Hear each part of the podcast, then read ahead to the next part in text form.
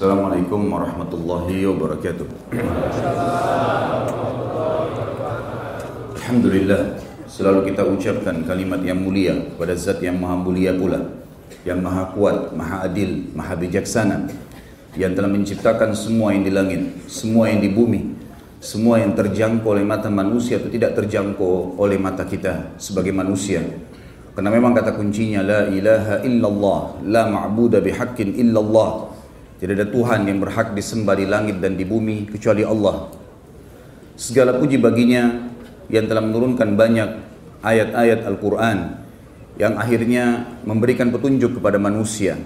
Segala puji bagi Allah yang telah mengutus para rasul dan nabi-nabi sehingga membawa kepada kita hukum-hukum yang ia inginkan dan kita memiliki panduan mana yang boleh dan mana yang tidak boleh, mana yang harus dipertahankan dan mana yang harus dimaafkan. Juga kita panjatkan salam hormat kita pada manusia terbaik yang telah disempurnakan jalur nasabnya, fisiknya, akhlaknya, ilmunya oleh Sang Pencipta Allah dan ditutup dengannya risalah kenabian dan kerasulan. Serta juga manusia terbaik ini telah membawa kepada kita syariat Allah Subhanahu wa taala sehingga kita tahu mana panduan hidup kita, mana halal, mana haram, dan juga ujung-ujungnya kita akan mendapatkan apa yang dijanjikan oleh Allah Subhanahu wa taala yaitu masuk ke dalam surga. Sang pencipta Allah bersama malaikatnya telah mengucapkan salam hormat kepada manusia terbaik ini, maka sangat wajar kalau kita selalu membacakan salawat dan taslim kepada Nabi besar Muhammad sallallahu wa ala alihi wa sahbihi wasallam. Pertama-tama tentu saya mohon maaf teman-teman sekalian karena telat dan insya Allah menunggu di majelis ilmu tetap aja dicatat oleh Allah Subhanahu wa taala. Seperti biasa, sebulan sekali kita melanjutkan bahasan tentang serial para pahlawan Islam. Manusia yang paling layak untuk dicontohi dan dijadikan suri tauladan. manusia yang telah menjamin atau dijamin oleh Sang Pencipta Allah bersama Nabi Muhammad SAW keimanan mereka dan juga banyak di antara mereka yang sudah dijamin masuk ke dalam surga. Maka manusia yang paling pantas untuk dicontohi adalah para sahabat ridwanullahi alaihim dan serial kita pada siang ini semoga Allah berkahi adalah sahabat Nabi yang mulia Umair bin Sa'ad radhiyallahu anhu. Banyak orang tidak mengetahui kisah sahabat yang mulia ini. Karena mungkin kurangnya membaca atau bahkan tidak pernah mendengar atau berusaha untuk mendengar nama orang yang mulia ini. Beranjak daripada statement Umar radhiyallahu anhu pada saat beliau menjadi khalifah, beliau mengatakan berangan-anganlah kalian berkata kepada para teman-temannya, para sahabat yang masih hidup waktu itu Ridwanullah alim dan para tabi'in, berangan-anganlah kalian. Maka ada di antara mereka yang berangan-angan mengatakan, Ya Amir Mukminin, saya berharap memiliki sekantong emas yang saya sodokahkan di jalan Allah. Yang satu lagi mengatakan saya berharap memiliki kuda yang kuat, kemudian saya gunakan untuk berperang dan membela agama Allah. Dan terus saja banyak orang yang menyebutkan angan-angannya. Lalu Umar mengatakan, kalau angan-anganku adalah aku berharap mempunyai orang-orang seperti Umair bin Sa'ad, tokoh kita ini, aku bisa meminta bantuan kepada Umair dan yang yang yang serupa dengannya untuk menunaikan urusan-urusan kaum muslimin. Siapa sebenarnya Umair radhiyallahu anhu yang dipuji oleh Umar radhiyallahu anhu ajma'in ini, para sahabat dan para sahabat semuanya karena dipuji oleh Umar, Umair ini dan Umair adalah ismu tasghir, nama yang dikecilkan dari Umar. Walaupun dia berbeda karena Umar dari orang Mekah dan Umair adalah masyarakat asli Madinah, asli Madinah. Tetapi Umar sangat kagum dengan keimanan sosok orang ini. Saudara seiman, Umar atau Umair radhiyallahu anhu masuk Islam pada saat dia mendengarkan risalah Nabi SAW masuk ke Madinah oleh para dai-dai beliau di antaranya Mus'ab bin Umair radhiyallahu anhu. Kemudian juga ada beberapa sahabat-sahabat dari Ansar sendiri yang sudah masuk Islam di antaranya Sa'ad bin Mu'ad yang sudah kita bahas kemudian Usaid bin Khudair dan banyak sahabat-sahabat Nabi yang lain. Akhirnya Umair pun masuk Islam. Dia masuk Islam di masa masih kecil dan ini sebuah fadilah tersendiri karena dia masuk Islam di umur masih kecil sekali Sebagian ahli sejarah menyebutkan umurnya adalah 10 tahun. Ya, 10 tahun. Dan ini menandakan juga akan kita ambil nanti pelajaran al-durus wal ibar, pelajaran-pelajaran yang kita ambil dari orang sosok ini bagaimana Islam itu perlu diajarkan sejak dini kepada anak-anak kita sehingga memang yang tertanam Islam dari kecil itu akan membawanya sampai dia meninggal dengan izin Allah Subhanahu wa taala. Orang ini pada saat masuk Islam, ayahnya sudah meninggal dan dia jadi yatim. Dan dia menjadi yatim, kemudian ibunya menikah pada saat itu dengan seorang laki-laki kaya dari asli penduduk Madinah juga yang bernama Julais bin Suwaid. Pada saat menikah, kemudian tumbuhlah ya, Umair ini di rumah Jul, Juwais ya, Julas, ya, maaf, Al-Julas. Al-Julas ibn Suwaid tumbuh besar dan dibiayai karena Julas adalah orang kaya raya sampai akhirnya dia mencapai umur balik. Pada saat usianya sudah mencapai umur balik, maka kurang lebih 14 tahun, 15 tahun, dia pernah mendengar ayah angkatnya atau ayah tirinya berbicara dengan teman-temannya yang lain dan di sinilah dia mengetahui siapa sebenarnya ayah angkatnya ini atau Al-Julas tadi. Maka Umair mendengar pada saat itu Julas sedang duduk bersama teman-temannya kemudian berkata, Sesungguhnya keledai lebih mulia daripada kita kalau kita mendengarkan orang itu.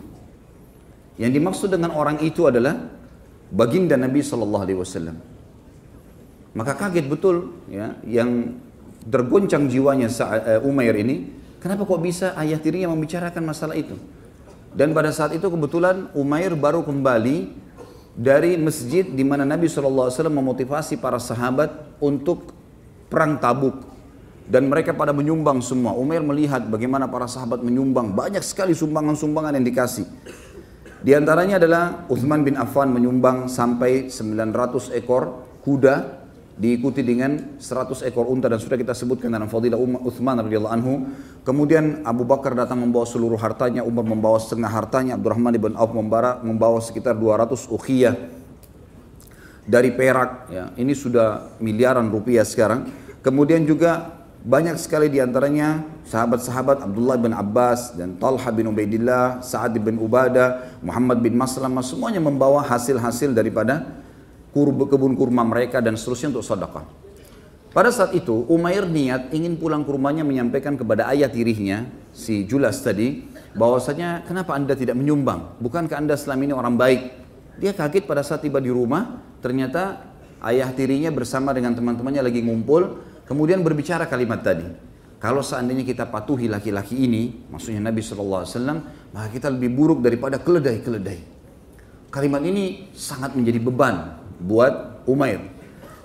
Lalu Umair radhiyallahu anhu setelah teman-teman ayahnya bubar, ayah tirinya bubar, dia mendatangi lalu mengatakan, "Wahai paman, orang-orang Arab biasa memanggil ayah tiri dengan paman.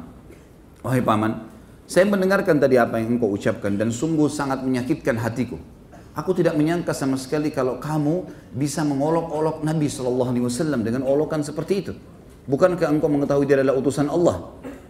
Kalau engkau tidak bertobat dengan kata-katamu itu, maka kau akan laporkan kepada Nabi Sallallahu Alaihi Wasallam. Jelas tahu dari kecil dia yang membina Umair dan Umair masih pada saat itu umurnya sekitar 14 tahun, masih sangat kecil. Maka dia anggap remeh sama dia. Dia mengatakan apa yang bisa kau sampaikan ke Nabi? Silakan sampaikan saja.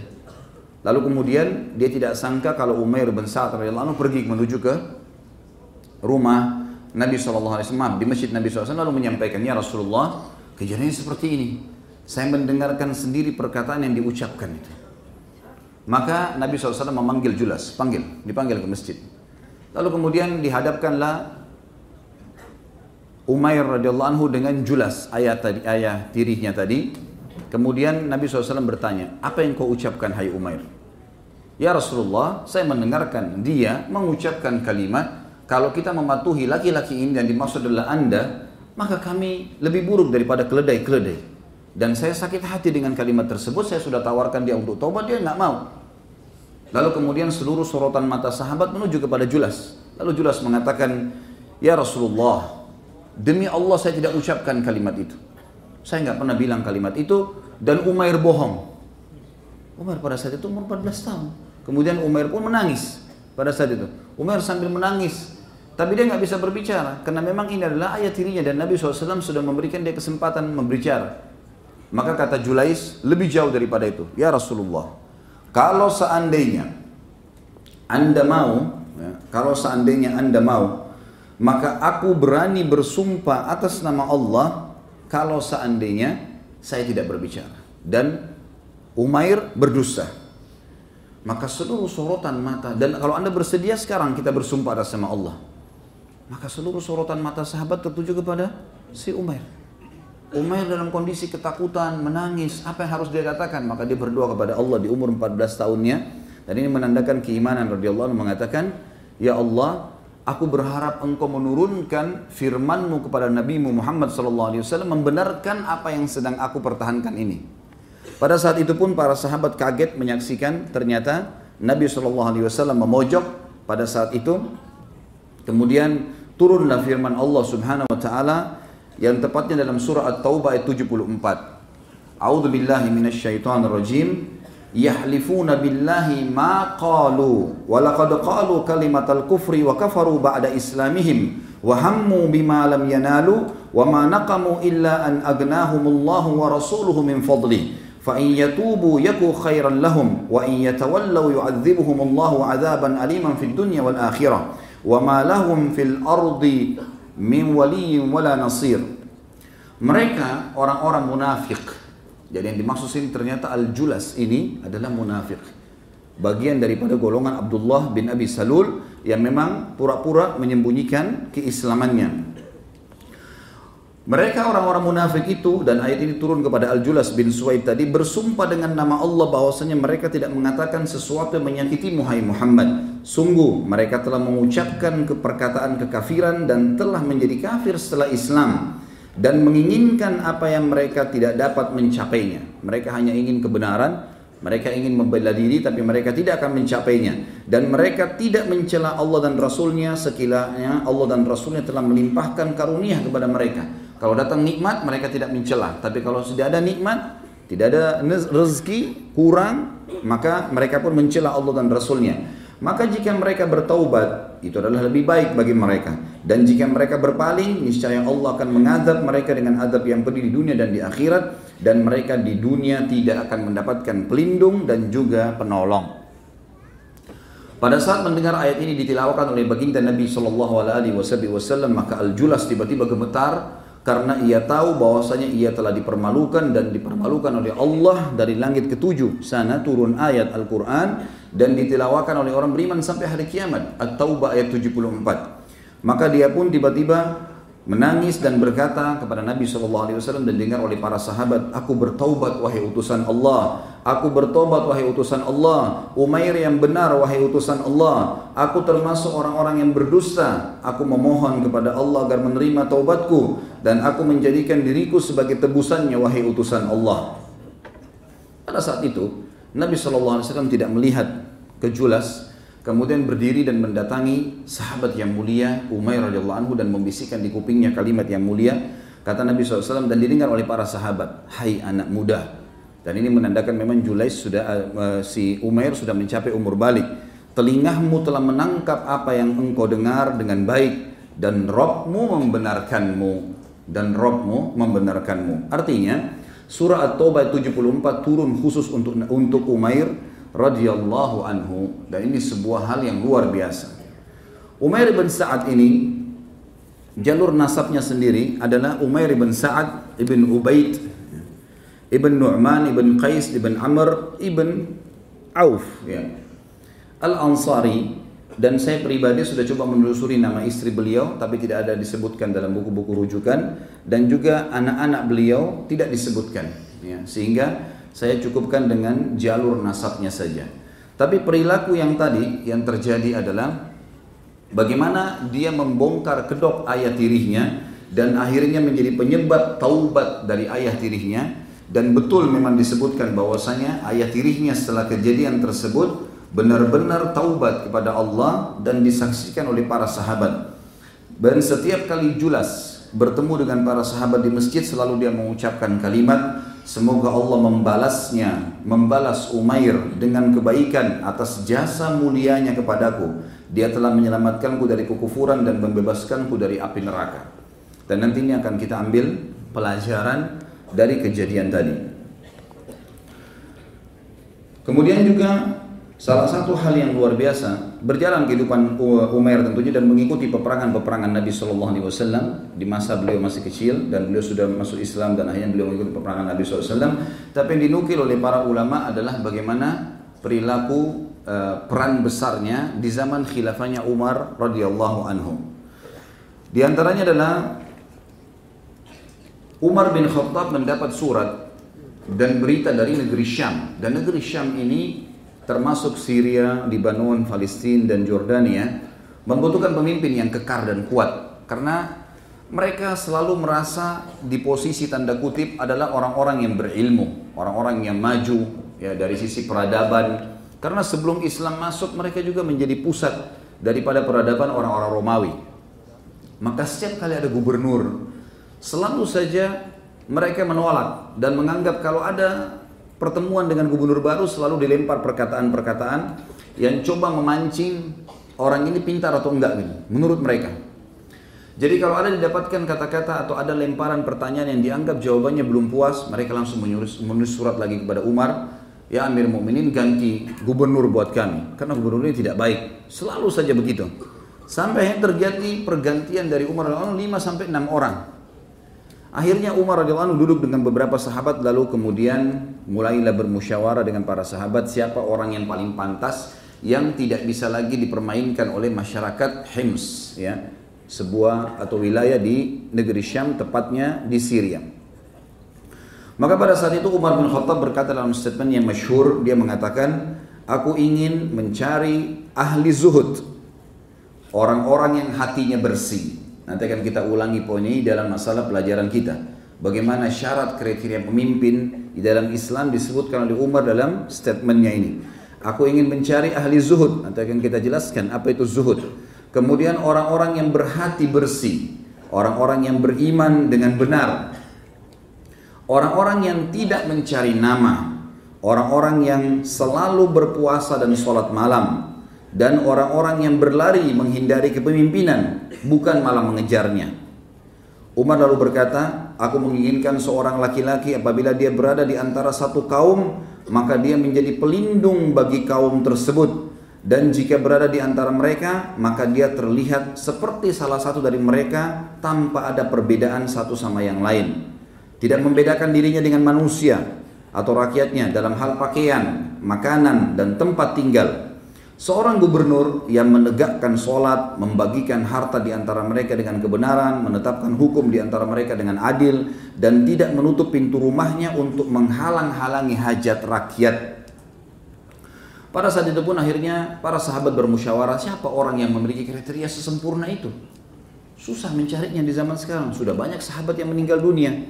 Dan ada sahabat yang hidup tapi tidak semua punya jiwa kepemimpinan. Karena pimpinan itu harus bisa punya keputusan yang tegas.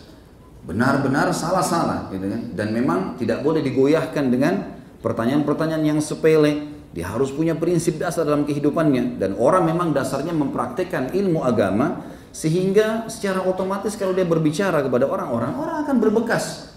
Kita akan temukan banyak dai-dai bisa bicara. Tetapi subhanallah karena dia tidak mempraktekkan apa yang dia bicarakan tidak ada pengaruhnya. Tidak ada efek kepada orang lain pada saat dia menceritakan tentang sholat malam, kemudian dia sendiri tidak melakukan sholat malam, maka mustahil bisa berbekas pada orang lain.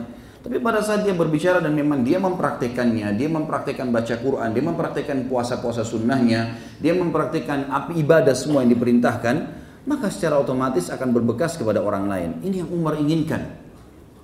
Sampai akhirnya mengerucutlah seseorang sahabat berkata, aku telah mendapatkannya wahai Amir Mukminin. Kata Umar, siapa itu? Kata dia, Umair bin Sa'ad yang sedang anda tunjuk menjadi pimpinan perang di negeri Syam. Dia sekarang menjadi panglima perang di sana. Kata Umar tanpa ragu mengatakan dialah orangnya. Panggilkan dia menghadap ke Madinah. Dipanggillah. Begitu datang Umair dengan pakaian perangnya mendatangi Umar radhiyallahu anhu ke Madinah lalu Umar mengatakan, "Hai Umair, aku telah menunjukmu untuk menjadi gubernur di wilayah Syam dan tepatnya beribu kota di Hims, ya, di Damaskus, di apa di maaf di Syria. Kata Umair, maaf Amir Mukminin, untuk jabatan itu saya tidak inginkan. Kalau anda mau tunjuk saya menjadi prajurit perang, menjadi panglima perang, menjadi uh, tim di medan perang, Saya tidak ingin selain jabatan itu. Kata Umar tidak bisa. Saya sudah menunjukmu dan ini sebuah tita yang harus kamu terima. Karena Umar tahu radhiyallahu anhu bahwasanya Umair radhiyallahu anhu akan menolak. Orang-orang beriman tidak akan mengejar jabatan-jabatan seperti ini karena mereka tahu makin makin ada jabatan teman-teman sekalian maka makin berat tanggung jawab. Kalau satu orang saja, istri saja di rumah atau anak saja sempat kita bengkalikan satu haknya, maka sudah cukup dia bisa menuntut pada hari kiamat. Bagaimana dengan masyarakat yang banyak, yang mungkin ribuan orang, apalagi kalau sudah sampai mengiming-imingkan janji yang sangat besar kemudian tidak dijalankan. Satu orang saya sudah cukup menghabiskan pahala kita pada hari kiamat. Maka para sahabat tahu masalah itu. Dan juga mereka sangat memahami sabda Nabi SAW dalam hadis sahih riwayat Imam Ahmad, Inna wallahi la nuwalli ala hadha amar ahadan sa'alahu aw harasa alaih. Kami tidak akan pernah, kata Nabi SAW, menunjuk seorang pemimpin kalau dia sengaja mengejar-ngejarnya atau sengaja ya mencari supaya bisa mendapatkannya dalam makna yang sama kurang lebih maka mereka sangat memahami. Maka Umar memohon lagi ya Amir Mukminin tolong lepaskan saya dari jabatan itu. Walaupun saya tahu Damask apa maaf Syria atau negeri Syam adalah negeri yang subur. Saking suburnya negeri Syam pada saat itu disebutkan cirinya teman-teman sekalian. Kalau ada tanah di jalan negeri Syam retak maka tumbuh pohon apel. Saking suburnya. Udaranya sangat sejuk, enak, masyarakatnya juga uh, uh, tidak terlalu banyak, kemudian wilayahnya kaya, dia bisa hidup enak.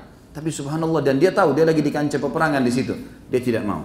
Lalu Umar mengulangi lagi kembali mengatakan wahai Umair, engkau mengetahui sabda Nabi SAW mentaati pemerintah wajib, kau harus jalankan ini.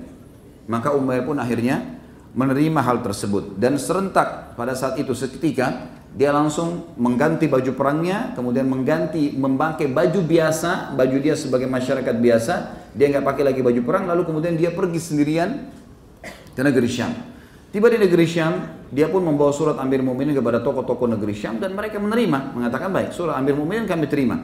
Lalu mereka mau melakukan hal-hal yang sama kurang lebih, ingin menguji Umair dalam hal-hal yang mereka sering lempar pertanyaan. Maka sebelum semua itu, Umair radhiyallahu anhu kemudian naik ke atas mimbar. Pertama sekali, setelah tahmid dan salawat dan beliau mengucapkan kalimat yang mulia, beliau mengatakan dan ini prinsip dasar dalam pemimpinan beliau.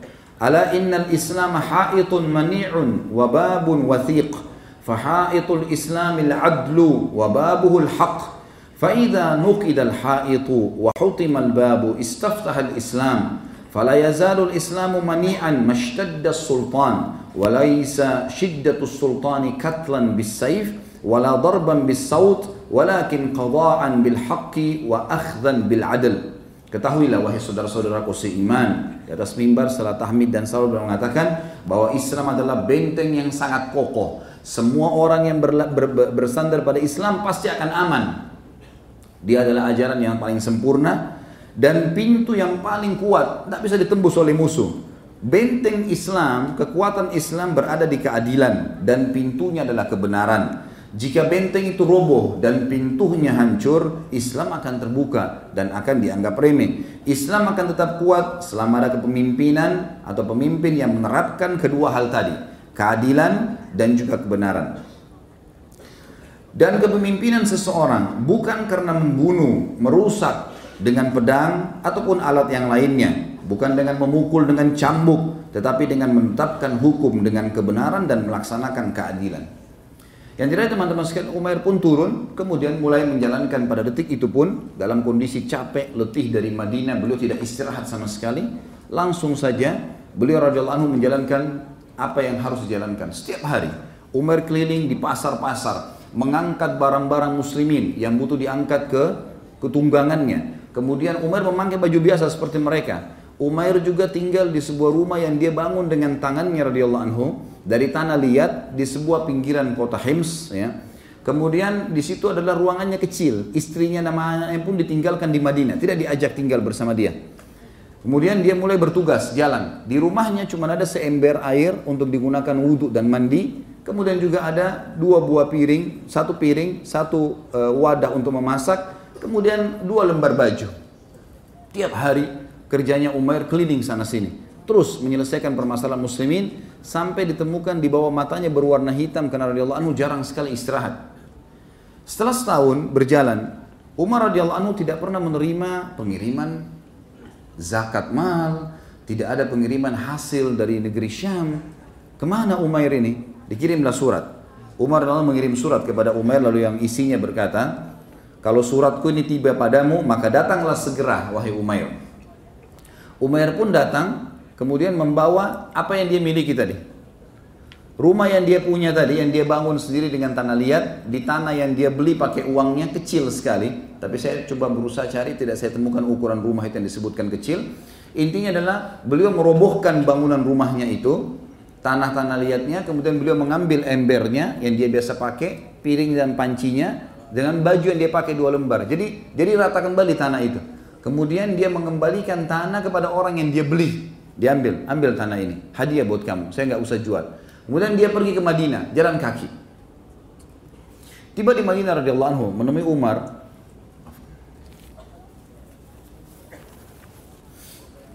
Pada saat itu tiba di Madinah menemui Umar dalam kondisi lesu, kotor, pakaiannya, kakinya sampai luka-luka karena jalan kaki dari negeri Syam. Dari negeri Syam teman-teman sekalian ke Madinah kalau pakai kuda sebulan. Bagaimana dengan jalan kaki? Tiga bulan. Dia cuma berhenti kalau lapar, makan daun di jalanan, ambil sesuatu yang memang tumbuh. Ya. Tidak ada sesuatu yang dia tidak minta sama orang, orang pun tidak tahu kalau ini adalah gubernur negeri Syam. Tiba di Madinah, menemui Umar di masjid. Maka Umar pun melihat keadaan Umar lalu bertanya, wahai Umar, setelah salam segala pelukan, kemudian kata Umar, hai Umar, kenapa keadaanmu begitu buruk? Sungguh kusuk wajahmu, kakimu sampai berdarah, bajumu sampai kotor. Dan apa yang kamu bawa ini? Ember dengan dua lembar baju, gitu kan? Kata Umar, kata Umair, ya Amir Mu'minin, aku membawa dunia kepadamu. Gitu kan? Dunia aku bawa. Umar berpikir mungkin akan dibawa hasil dari negeri Syam, mungkin menyusul. Lalu kata Umar, mana dunia itu? Mana storannya? Kata Umair, ini yang saya miliki. Ini semua yang saya miliki. Inilah dunia yang saya bawa. Dunia yang saya miliki ya ini. Lalu mana hasil kamu selama ini? Ya Amir Mukminin sudah saya berikan kepada orang yang berhak. Tidak ada satu dirham dan dinar pun yang saya ambil. Maka semua sudah saya bagikan kepada orang-orang yang berhak. Kalau ada lebihnya pasti saya sudah kasih kepada anda. Maka kemudian kata Umar, kalau begitu bagaimana kau tinggalkan keadaan negerimu? Dia mengatakan dalam kondisi adil dan aman. Silakan anda tanyakan sendiri. Lalu kata Umar, kenapa kau jalan kaki datang ke sini? Kenapa kau tidak tunggangan, naik tunggangan? Bukankah kau bisa meminta kepada masyarakat mau kata Umair saya tidak pernah memintanya dan mereka juga tidak memberikan kepadaku. Maka aku cuma menjalankan tugasku. Kata Umar sungguh buruk penduduk negeri Syam. Lalu kemudian kata dia tidak wahai Amir Mu'minin itu hak mereka. Lalu Umar pun mengatakan kepada sekretarisnya lanjutkan tugasnya Umair. Lalu kata Umar saya mohon kepadamu hai Amir Mu'minin dan aku memohon kepadamu sebagai seorang pemimpin kamu dan juga sebagai seorang sahabatku. Karena sama-sama sahabat Nabi SAW maka aku memohon kepadamu izinkan aku untuk berlepas, berlepas dari tugas ini. Setahun penuh aku sudah jalankan tugasku dan engkau bisa tanyakan di sana bagaimana ya yang sudah aku terapkan dan aku sekarang minta tinggal di pinggir kota Madinah. Aku tidak ingin lagi sama sekali ya untuk uh, apa namanya uh, kerja tugas. Aku ingin tinggal bersama istri dan anakku sudah aku tinggalkan selama setahun mereka. Aku akan jalankan kehidupanku kecuali kalau ada jihad. Jihad tugaskan. Tapi selain ini aku tidak ingin lagi. Maka Umar pun akhirnya menerima. Begitu tiba di rumahnya dan tinggal di sebuah uh, perkebunan ya, yang di pinggir kota Madinah ada satu perkebunan uh, kurma kecil, istri sama anaknya tinggal di situ. Maka Umar pun masih ingin menguji pada saat itu Umair dalam riwayat dikatakan, maka Umar pun mengutus seseorang yang bernama Harith. Dan Harith ini membawa satu kantong yang berisi seribu dinar. Cukup banyak tentu jumlahnya. Lalu kata Umar kepada orang ini Harith, Hai Harith, datanglah ke sana, jadikan dirimu seakan-akan tamunya Umair dan lihat, karena saya tidak tahu apa yang dia kerjakan di negeri Syam. Benar nggak uang-uang itu dibagiin sama orang? Tapi saya tidak ragukan keimanannya. Cuma saya ingin mengetahui. Coba kamu datang ke sana karena dia tidak mengenalmu, kamu datang ke sana, kemudian kamu coba tinggal bersama dia menjadi tamu. Lihat apa perilakunya dan bagaimana kehidupannya. Kalau seandainya kau lihat dia dalam keadaan susah, berikan kepada dia seribu dinar ini. Kalau engkau melihat dalam keadaan tenang, aman, gak ada masalah, ya udah bawa kembali duit ini. Kata Harith baiklah, datanglah uh, Harith sengaja lewat di depan kebun kecilnya Umair. Umar begitu melihat dia lewat, dia memberikan salam, kata Umar masuklah. Semoga Allah selalu menjagamu. Masuk orang itu. Dia mengatakan silakan. Kalau mau jadi tamu di tempat saya, kata Umar, tanpa orang itu bicara. Silakan kalau mau jadi tamu silakan. mau minum, mau nginap, mau makan, silahkan. Kata Harith, iya, saya akan menjadi tamu anda selama tiga hari. Kebetulan Umar memang tidak mengenal kalau ini adalah pegawainya Umar radhiyallahu anhu majma'in. Harith tentu seorang tabi'in ya, bukan seorang sahabat. Maka Harith pun mulai kumpul, kemudian bertanya. Begitu duduk langsung kata Umair, bagaimana Amir Mu'minin? Kata Harith, dari mana? Dari mana asal dan dari Madinah. Karena ini jauh di luar kota Madinah tempatnya, di pinggiran Madinah, pas di luar pintu gerbang kota Madinah. Kata Harith, baik saja. Saya dari Madinah. Bagaimana keadaan Amir Mu'minin? Baik saja. Bagaimana keadaan Madinah? Baik saja. Bagaimana keadaan muslimin? Semuanya baik. Gitu kan? Lalu bagaimana secara khusus hukumnya Amir Mu'minin Umar? Kata Harith, Amir Mu'minin Umar menghukum siapa pun termasuk anaknya sendiri. Kalau berbuat salah, maka dihukum oleh dia. Kata Umair, semoga Allah menjaga Umar, dia sangat berpegang teguh pada agama Allah. Kemudian berjalanlah kehidupan, ternyata Umair memiliki kurang lebih beberapa roti gandum yang sudah kering yang beliau makan dengan istri sama anak. Tapi karena ada tamu mereka tidak makan. Mereka oleh Umar dikasih kepada Harith. Harith pun memakannya sambil melihat. Memang tidak ada makanan sama sekali. Setelah tiga hari dan memang ini masa penyambutan tamu tiga hari dalam Islam Umar mengatakan wahai saudaraku semoga Allah selalu menjagamu. Kami betul-betul sudah kehabisan makanan dan kami tidak bisa lagi menghormatimu sebagai tamu silakan cari tuan rumah yang lain, kami nggak punya apa-apa lagi. Maka kata hadis, ketahuilah aku adalah utusan Amir Mu'minin dan aku disuruh memberikan kepadamu seribu dirham ini. Seribu dinar ini, ambillah. Kata Umair, demi Allah saya nggak butuh sama sekali. Kalau saya masih punya makanan, maka cukup. Saya nggak perlu sama sekali. Gitu kan. Kata dia silakan, kamu tetap harus ambil. Maka kata dia tidak, saya tidak mau. Istrinya rupanya Umair dengar dari dalam. Mengatakan, hai Umair, kalau kau tidak perlu, berikan kepada orang yang perlu. Jangan ditolak pemberian Amir Mu'minin. Kata Umair, saya tidak punya tempat untuk menampungnya. Lalu istrinya memberikan sebuah kain dari dalam rumah, kemudian ditaruh, dibuka, kemudian ditaruhlah seribu dinar itu. Penuh, banyak sekali harta. Dan pada saat itu perlu digaris bawahi ya, Umair tidak punya apa-apa, saudaraku seiman. Tidak punya apa-apa. Dan dia sangat butuh, apalagi ini hadiah yang dikasih.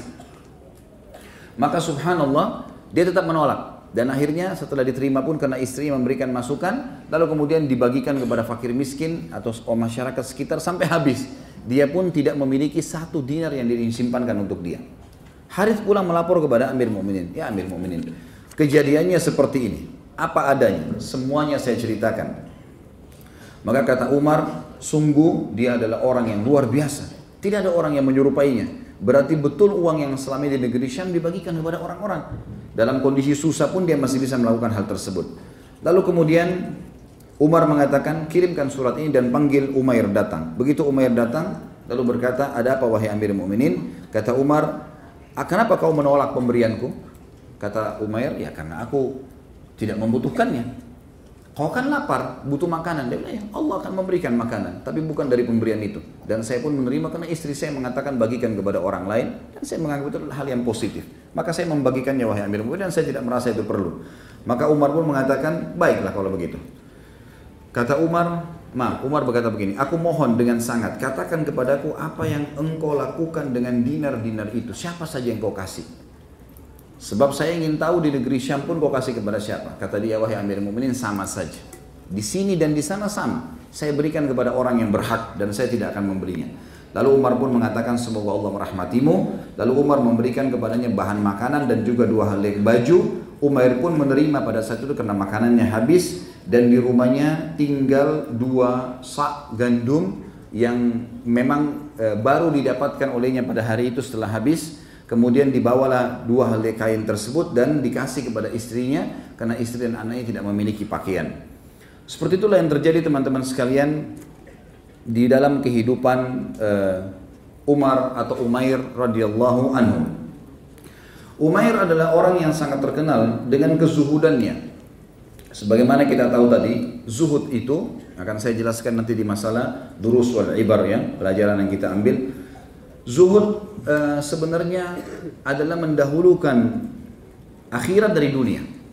Dan ada orang menyalahfahami masalah ini menganggap bahwasanya zuhud meninggalkan dunia untuk akhirat. Ini salah ya. Ini pemahaman harus diluruskan karena kalau kita katakan zuhud itu adalah meninggalkan dunia, maka mulailah orang-orang tidak lagi berpikir untuk bekerja, mencari nafkah, dan dia hanya berpikir bagaimana melakukan ya, hal-hal ya, yang lain ya di luar sana.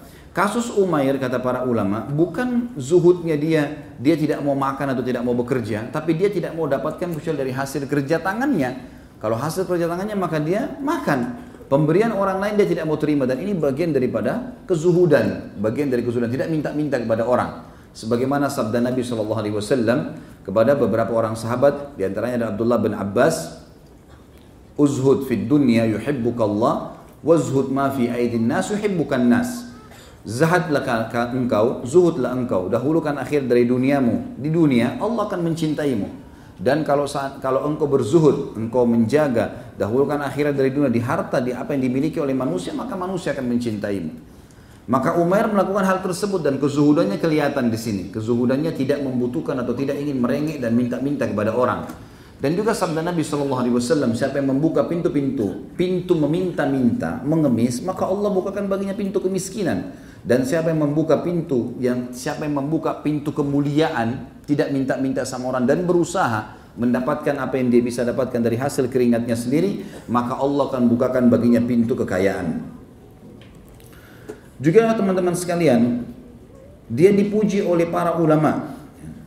Tentu sudah cukup tadi bagaimana Umar radhiyallahu memilihnya, tapi dia dipuji oleh para ulama. Di antaranya adalah yang disebutkan oleh Abdurrahman bin Umair bin Sa'ad radhiyallahu anhu ini anaknya Umair bernama Abdurrahman ia berkata Ibnu Umar berkata kepadaku tidak ada dari kalangan kaum muslimin dari kalangan sahabat yang lebih utama daripada ayahmu pujian Abdullah bin Umar radhiyallahu ajma'in kepada anaknya Umair yang bernama Abdurrahman maaf ini berarti ada nama ya tadi saya keliru di awal ini ada namanya anaknya Abdurrahman dan mengatakan tidak ada di kalangan tabi'in dan sahabat yang mengalahkan ayahmu. Ini kesaksian Abdullah ibn Umar. Maksudnya dari sisi keimanan dan amal soleh. Ibnu Sirin rahimahullah berkata, ini salah satu ulama tabi'in yang masyhur Muhammad bin Sirin berkata, begitu bangganya dan kagumnya Umar ibn Khattab kepada Umair ibn Sa'ad radhiyallahu ajmain sehingga dia menjulukinya dengan nasyiju wah wahdi ya. Atau dikatakan satu-satunya yang tak tertandingkan. Dan Al-Mufaddal Al-Ghallabi rahimahullah berkata, ahli zuhud dari kalangan orang-orang Ansar ada tiga. Ini tentu seorang tabi'in yang menjelaskan tentang keadaan sahabat. Ahli zuhud, orang yang terkenal sangat luar biasa, tidak pernah bergantung pada manusia dan bergantung kepada Allah, mendahulukan akhirat dari dunia. Dari kalangan sahabat dari Ansar ada tiga orang. Abu Darda, Syayyad atau Shaddad ibn Aus dan Umair ibn Sa'ad. Dan Umair ibn Sa'ad radhiyallahu anhum ajma'in. Tentu ini yang kita bisa ambil dari uh, pelajaran, maksudnya syama'ilnya ya, kelebihan maaf, manakibnya ya, kelebihan daripada Umair itu sendiri. Dan yang akan panjang lebar kita jelaskan teman-teman sekalian adalah masalah durus wal ibarnya. Durus wal ibar. Pelajaran yang kita ambil setelah meninggalnya Umair radhiyallahu anhu dan beliau disalati oleh Umar dan dikubur di Baqi Al-Gharqad yang terkenal sebagai kuburan para sahabat. Pelajaran yang pertama teman-teman yang kita bisa ambil adalah hukum al-wala wal bara.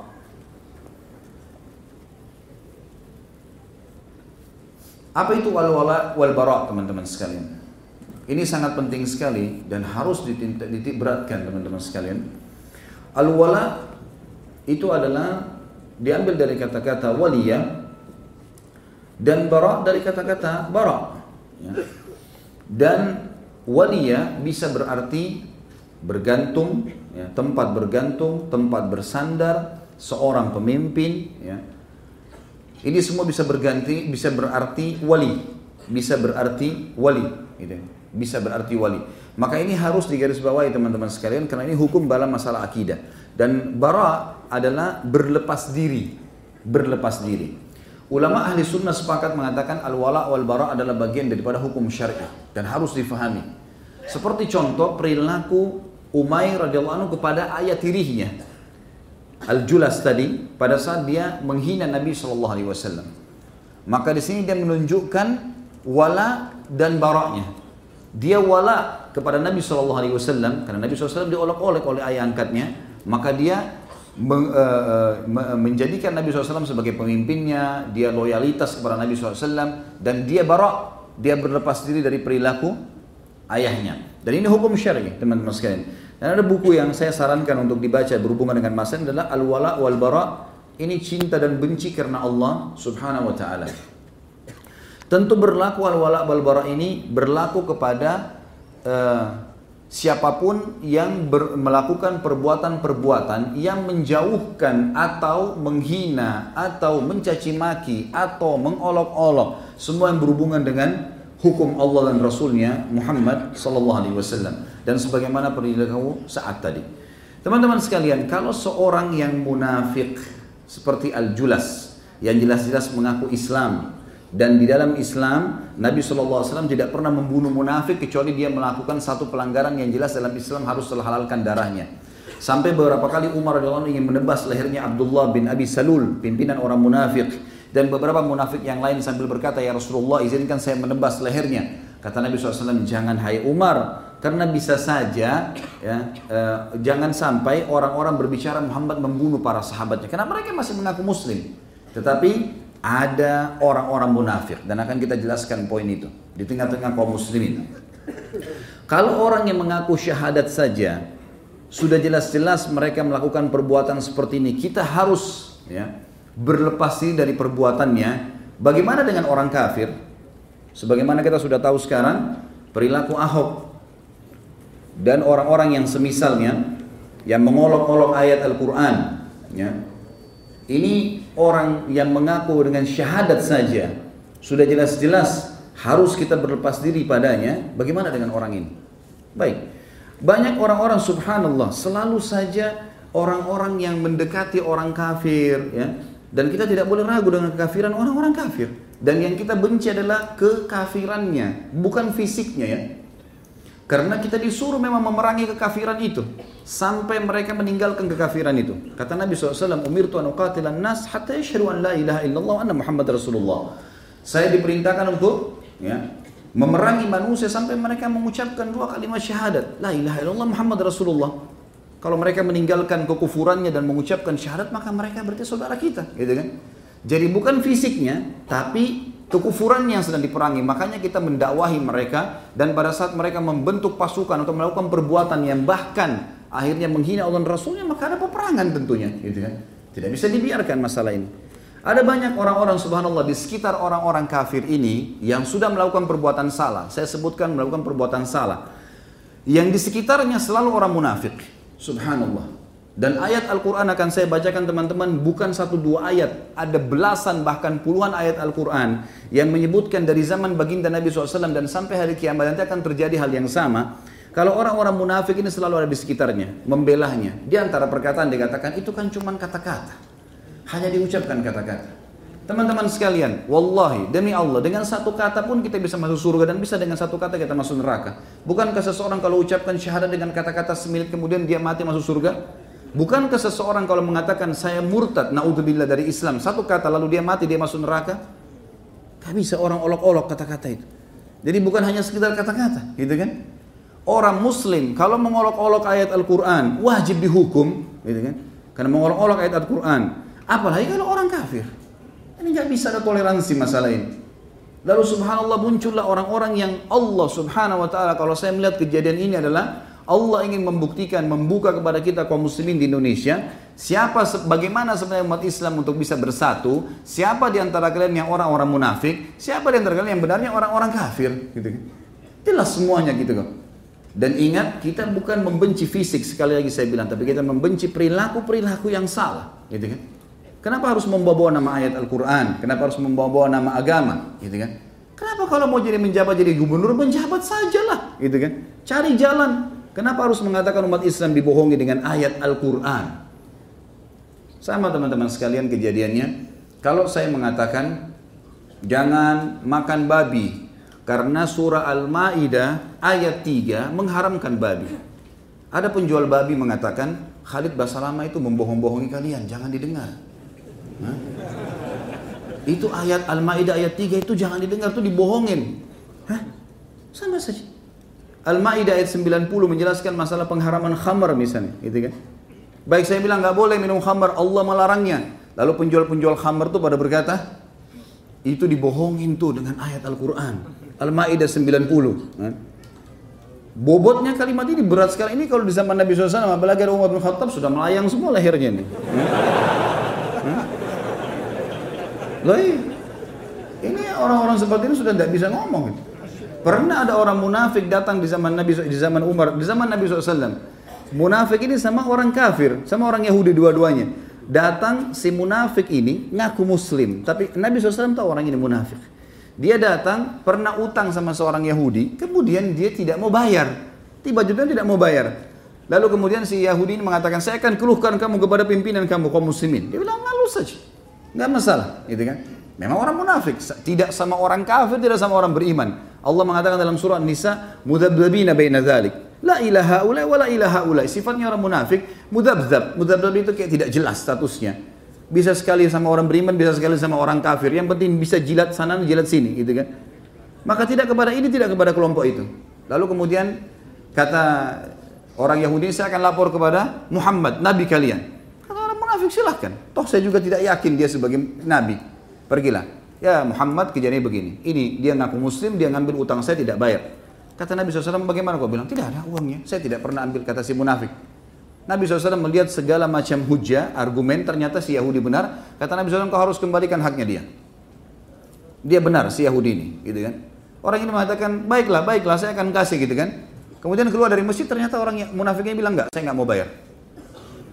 Lalu kata oh, Yahudi ini, siapa yang kau percaya setelah Muhammad? Tidak ada. Mungkin ada temannya, Abu Bakar. Pergi ke Abu Bakar. Ya Abu Bakar begini kejadiannya. Abu Bakar melihat argumennya semua Abu Bakar mengatakan, baiklah. Kalau gitu hukumnya seperti ini. Seperti persis seperti hukum Nabi SAW. Keluar dia mengatakan Yahudi ini ya orang munafik ini bilang baiklah baiklah saya akan bayar. Keluar dari rumah Abu Bakar dia bilang saya nggak mau bayar. Loh, dan berkata lagi, ya, pada saat itu si Yahudi, siapa yang kau percaya lagi? Dia bilang, coba kita ke Umar. Pergi ke rumah Umar. Antum sudah tahu jawabannya rumahnya. Begitu masuk di rumahnya Umar, kenapa? Ada masalah begini. Baik Umar bilang, sama siapa kalian sudah berhukum? Kami sudah pergi ke Muhammad. Kata si Yahudi. Apa hukumnya? Dihukumi saya punya hak. Orang ini ditunjuk dan dia ngaku mau bayar, dia nggak mau bayar. Terus siapa lagi? Abu Bakar. Oh, apa hukum Abu Bakar? Seperti sama. Kata si Yahudi tersebut. Kata Umar lalu untuk apa kalian ke saya? Kata si Yahudi, ini orang ngakunya mau datang kepada kamu, hai Umar. Kata Umar, baik. Berarti mau tunggu hukum dari saya? Dia bilang, iya. Baik. Umar bilang, tunggu sebentar. Umar masuk ke dalam, ambil pedang. Keluar, dikejar dua-duanya nih. Ada yang sempat tebas, ditebas pedang. Umar sambil kejar dari rumahnya sampai di jalan. Orang pada lihat, kenapa Umar ngejar orang dua orang? Mau dibunuh, gitu kan. Sudah sempat berdarah, mereka lari. Gitu. Kata Umar, apakah kalian mendatangi Muhammad, Nabi Muhammad SAW, sudah dikasih hukum. Datang kepada Abu Bakar, manusia terbaik setelah ya Nabi SAW, lalu memberikan lalu datang kepada saya, ini hukum saya. Gitu. Ini pedang bagiannya gitu. Tapi subhanallah Islam bukan datang untuk menebas leher orang gitu kan. Bukan itu tujuannya.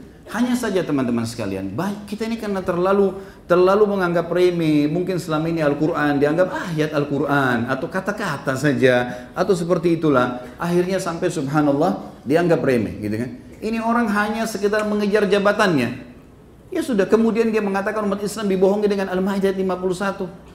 Ini kebohongan yang luar biasa ini. Kebodohan, dia menganggap mengolok-olok ayat Al-Quran. Dia menganggap ayat Al-Quran itu berarti bisa dipakai untuk bohongin orang. Padahal memang bunyinya jelas mengkafirkan, gitu kan? Nanti akan saya bacakan banyak ayat berhubungan dengan masalah ini. Dia menganggap orang-orang yang menggunakan ayat itu untuk menjelaskan kalau tidak bisa pilih pemimpin muslim adalah orang-orang yang membohongi kaum muslimin. Berarti ulama yang membahasnya juga dianggap bodoh. Luar biasa ini. Sudah ayat Al-Quran diolok-olok Allah dan Rasul. Ingat ya, hukum dalam Islam. Kalau ada orang mengolok-olok ayat Al-Quran ditebas, emang hukumnya dipenggal lehernya. Gitu kan? Kisos itu. Itu dalam Islam. Dan kalau seseorang ketahuan teman-teman sekalian hukum kisos terjadi, kalau kalau kalau ketahuan seseorang itu melakukan satu perbuatan mungkar, misal penyihir lagi praktek kedapatan kepergok, ya, orang lagi melakukan perbuatan berzina kepergok, gitu. Apa saja perbuatan pelanggaran, gitu. Kalau dia melakukan, kemudian kepergok, dia melakukannya, ketahuan, kedapat, kamera kah, perkataan kah, apalah, ada buktinya, maka hukumnya walaupun dia taubat dihukum. Gak bisa enggak, gitu kan? Ini orang berzina nih, kepergok. Lalu kemudian sementara di penjara proses nunggu dia dirajam atau dihukum, kemudian dia bertaubat. Apa hukumnya? Walaupun dia taubat teman-teman tetap harus dihukum. Kena kepergok. Lain kalau orang tidak kepergok. Ada penyihir pernah dia lagi praktek ketangkap di tempat prakteknya ada macam-macam ada buhul ada segala ketangkap maka itu hukumnya harus hadis Nabi SAW hadus sahiru darbatun bis saif hukuman penyihir penggal lehernya Selesai, ketangkap, kepergok. Tapi kalau dia pernah menyihir, dia pernah berzina, dia pernah melakukan perbuatan-perbuatan salah, pernah, kemudian dia taubat sekarang. Ah, Allah tidak bongkar itu ke hadapan umum, halayak, bukan ketahuan, bukan kepergok. Lalu dia taubat, diterima taubatnya kepada Allah SWT. Dan tidak dalam Islam pengakuan dosa, oh ya saya pernah berzina, saya diapain. Enggak, Islam sama Katolik berbeda, gitu kan. Islam tidak ada pengakuan dosa. Sudah bertobat ya sudah, silahkan taubat. Dan tidak dihukum lagi dengan perbuatannya yang telah berlalu. Tapi kalau kepergok nggak bisa. Orang ini kepergok mengucapkan kalimat di depan muslimin. Bagaimana caranya? Gitu kan? Sesuatu yang tidak mungkin bisa dengan oh sudah minta maaf gampang, maaf ya saya tidak bermaksud. Enak benar. Hah? Saya tidak bermaksud bagaimana? Gitu kan? Ini sesuatu yang tidak mungkin. Hukuman tentu kita serahkan kepada pemerintah kita dalam arti kata hukuman ini hukum mestinya. Tidak bisa dan ngucapin maaf selesai, gitu kan? Dia sudah tidak boleh muslim ikut dalam pemilihan, dia sudah tidak boleh dalam jabatannya, apalagi memang di tengah-tengah kaum muslimin. Tidak boleh orang Islam dipimpin oleh orang muslim di daerah kita mayoritas, mustahil. Banyak ayat-ayat Al-Quran berbicara masalah itu. Kalau ada orang-orang munafik di sekitarnya, muncul orang-orang munafik, subhanallah kelihatan hidung-hidungnya. Mulai muncul sekarang. Oh Islam itu hanya sebuah histori. Saya baca sebuah sejarah. Ini orang mestinya keluar dari Islam. Hah? Tak usah jadi muslim. Tinggal di sana, tinggal di sini. Ini ayat Al-Quran, ngolok-ngolok hadis-hadis Nabi SAW. Lalu terakhir pendapatnya apa? Saya tidak mengolok-olok Al-Quran dan hadis. Terus apa tadi yang kamu bilang itu? Hah? Tidak olok-olok seperti apa? Gitu. Dianggap Islam sudah tidak relevan lagi dengan waktu, dengan zaman, gitu kan? Kemudian dibahaslah masalah menerima maaf. Menerima maaf oke okay saja. Kita terima maaf, tapi hukum diterapkan. Nggak ada ceritanya itu. Ya. Nggak bisa main-main dengan masalah begini. Karena kalau tidak akan ke depannya terus menerus akan terjadi seperti ini. Dan subhanallah saya tidak melihat kecuali ini adalah kebaikan bagi kaum muslimin. Karena umat Islam justru disatukan oleh Allah yang maha tinggi dan di Indonesia dengan perkataan orang ini. Gitu. Allah subhanahu wa ta'ala malah menyatukan muslimin menyadari tentang pentingnya masalah agama mereka. Teman-teman sekalian, al-wala wal bara adalah sesuatu yang sangat penting ya. Dan banyak hal sebenarnya, karena mumpung kita bahas masalah itu, maka banyak hal yang harus masuk dalam wala wal bara. Di antaranya penulis buku menurunkan di sini, kita harusnya tidak boleh menyerupai orang kafir dalam pakaian dan perkataan. Itu termasuk dalam wala wal bara. Kita harus bara terhadap kebiasaan mereka berpakaian, kebiasaan mereka berkata-kata, gitu kan? Kalau kita kan tidak, banyak umat Islam main main kopi paste saja Lihat di Amerika orang biasa mencaci maki orang dengan apalah bahasa yang tidak baik ikut-ikutan disebutkan karena ini adalah modern. Ini semua tidak boleh. Memang kita harus berbarak di situ, berlepas diri daripada kebiasaan. Kemudian juga banyak kaum muslimin yang tetap ngotot tinggal di negara-negara kafir dan mereka tidak berusaha pindah ke negara-negara kaum muslimin untuk menyelamatkan agamanya. Di wilayah yang dia susah ibadah, nggak boleh bertahan. Kalau dia lahir di sana, terlanjur warga negara. Saya sudah pernah jelaskan masalah ini atau dia tugas negara duta atau dia nuntut ilmu lalu dia balik. Saya sudah darurat. Tapi kalau sengaja ngadu nasib di sana, kemudian dia terhina, nggak bisa dengar azan, kalau mati nggak tahu mau dikubur di mana. Ini masuk dalam sabda Nabi SAW. Ana bariun mimman asya bayna adhurul musyrikin. Saya berlepas diri dari orang-orang yang sengaja hidup di tengah-tengah kaum musyrikin. Kemudian banyaknya kaum muslimin sekarang mengadakan perjalanan dengan tamasya, bersenang-senang ke negara-negara orang kafir. Untuk apa ini teman-teman? Kenapa nggak umroh? Kenapa nggak haji? Kenapa nggak datangin tempat-tempat kaum muslimin? Gitu kan?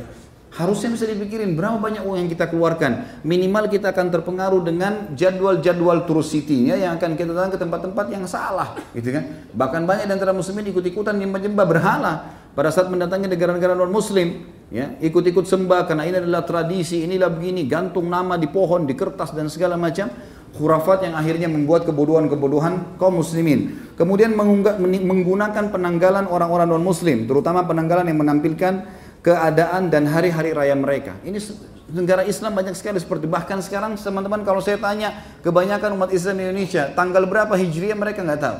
Hah? Padahal sebenarnya banyak hukum-hukum syar'i. Hari ini tanggal 15 dan 15 itu adalah tanggal puasa Iyamul Bid.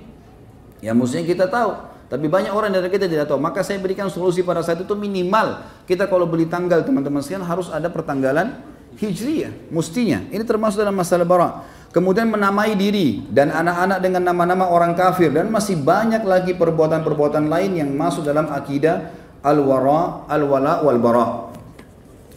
Teman-teman sekalian, ayat-ayat Al-Quran berbicara masalah itu sangat banyak sekali tentunya. Kalau teman-teman mau kembali ada dalam masalah al-wali ya atau al-waliyah ya.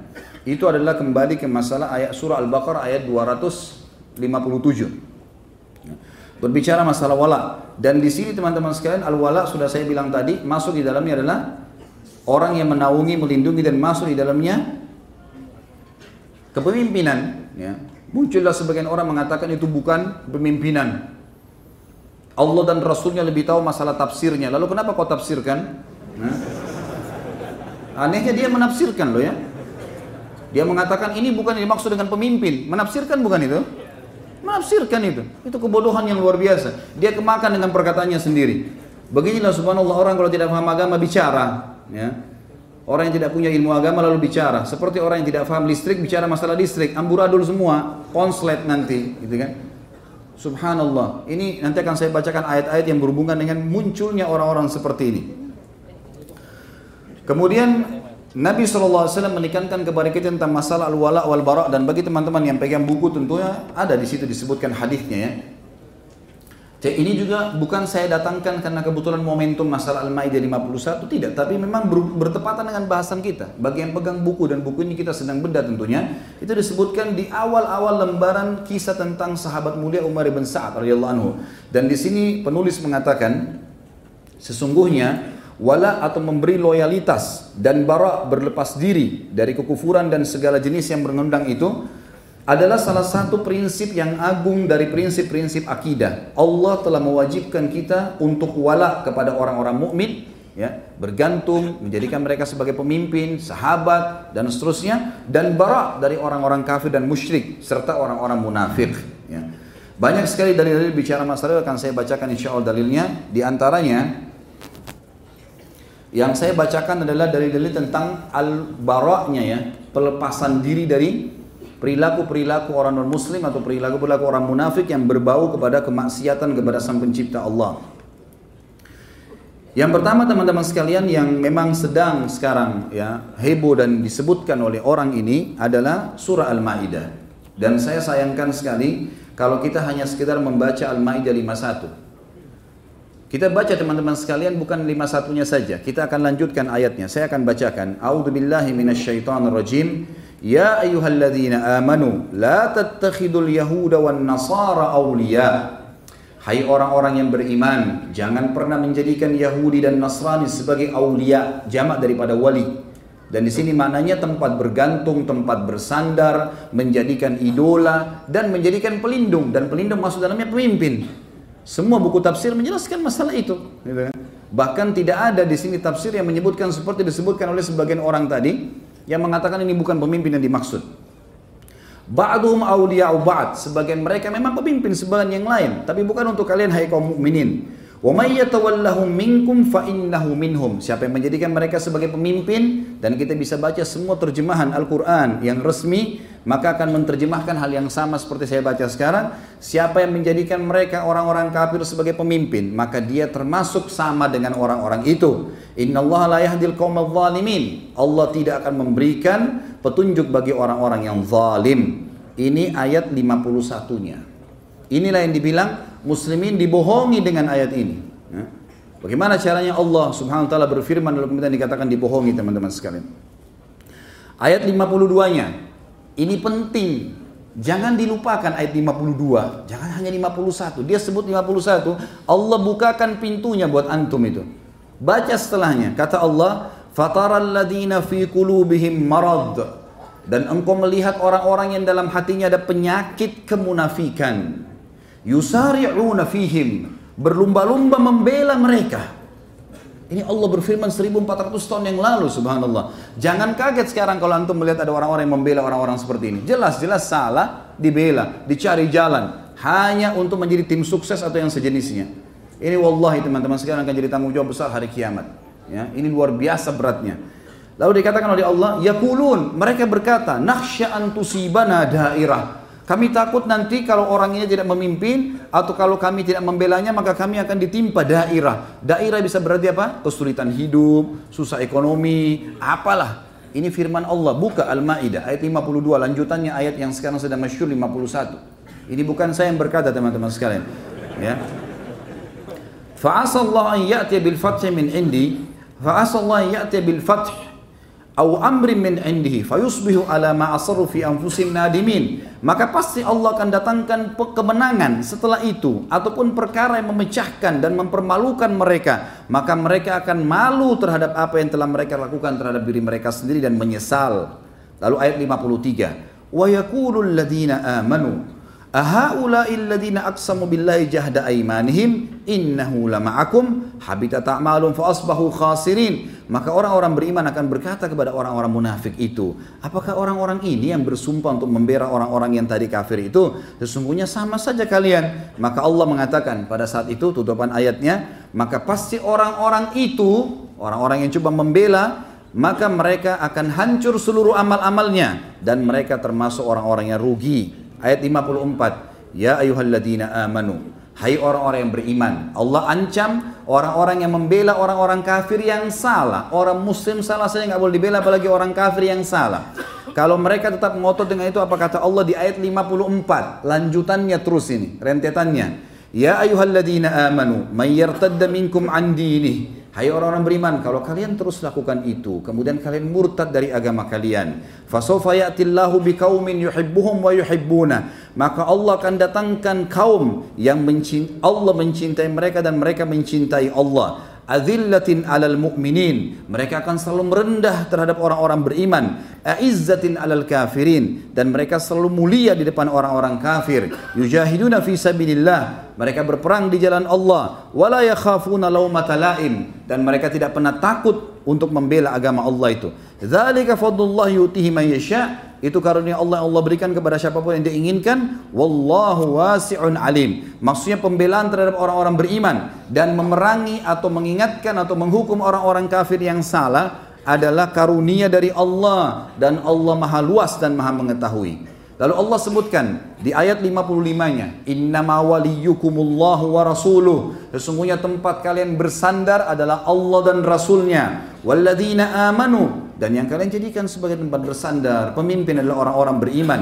Alladzina yuqimuna shalah yang mereka mendirikan salat. Wa yu'tuna zakah dan mereka mengeluarkan zakat. Wa hum raki'un. Dan mereka selalu sujud. Wa may yatawallallaha wa rasulahu walladzina amanu. Fa inna hizballahumul ghalibun Siapa yang menjadikan Allah dan Rasulnya tempat bersandar, bergantung dan orang-orang beriman sebagai pemimpin satu sama yang lain, sesungguhnya kelompok Allah itu yang akan menang.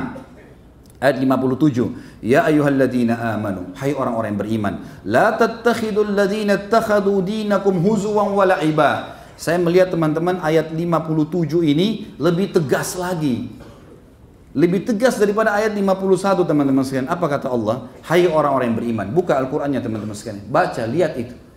Ini firman Allah SWT turun. Kata Allah, hai orang-orang yang beriman, jangan kalian menjadikan ya orang-orang yang menjadikan agama kalian huzuan walaiba. Bahan olok-olokan, bahan tes-tes, ya. Kata Allah di sini, minal ladina utul kitaba min qablikum wal kuffara awliya dari orang-orang yang telah menuntut Alkitab Yahudi dan Nasrani.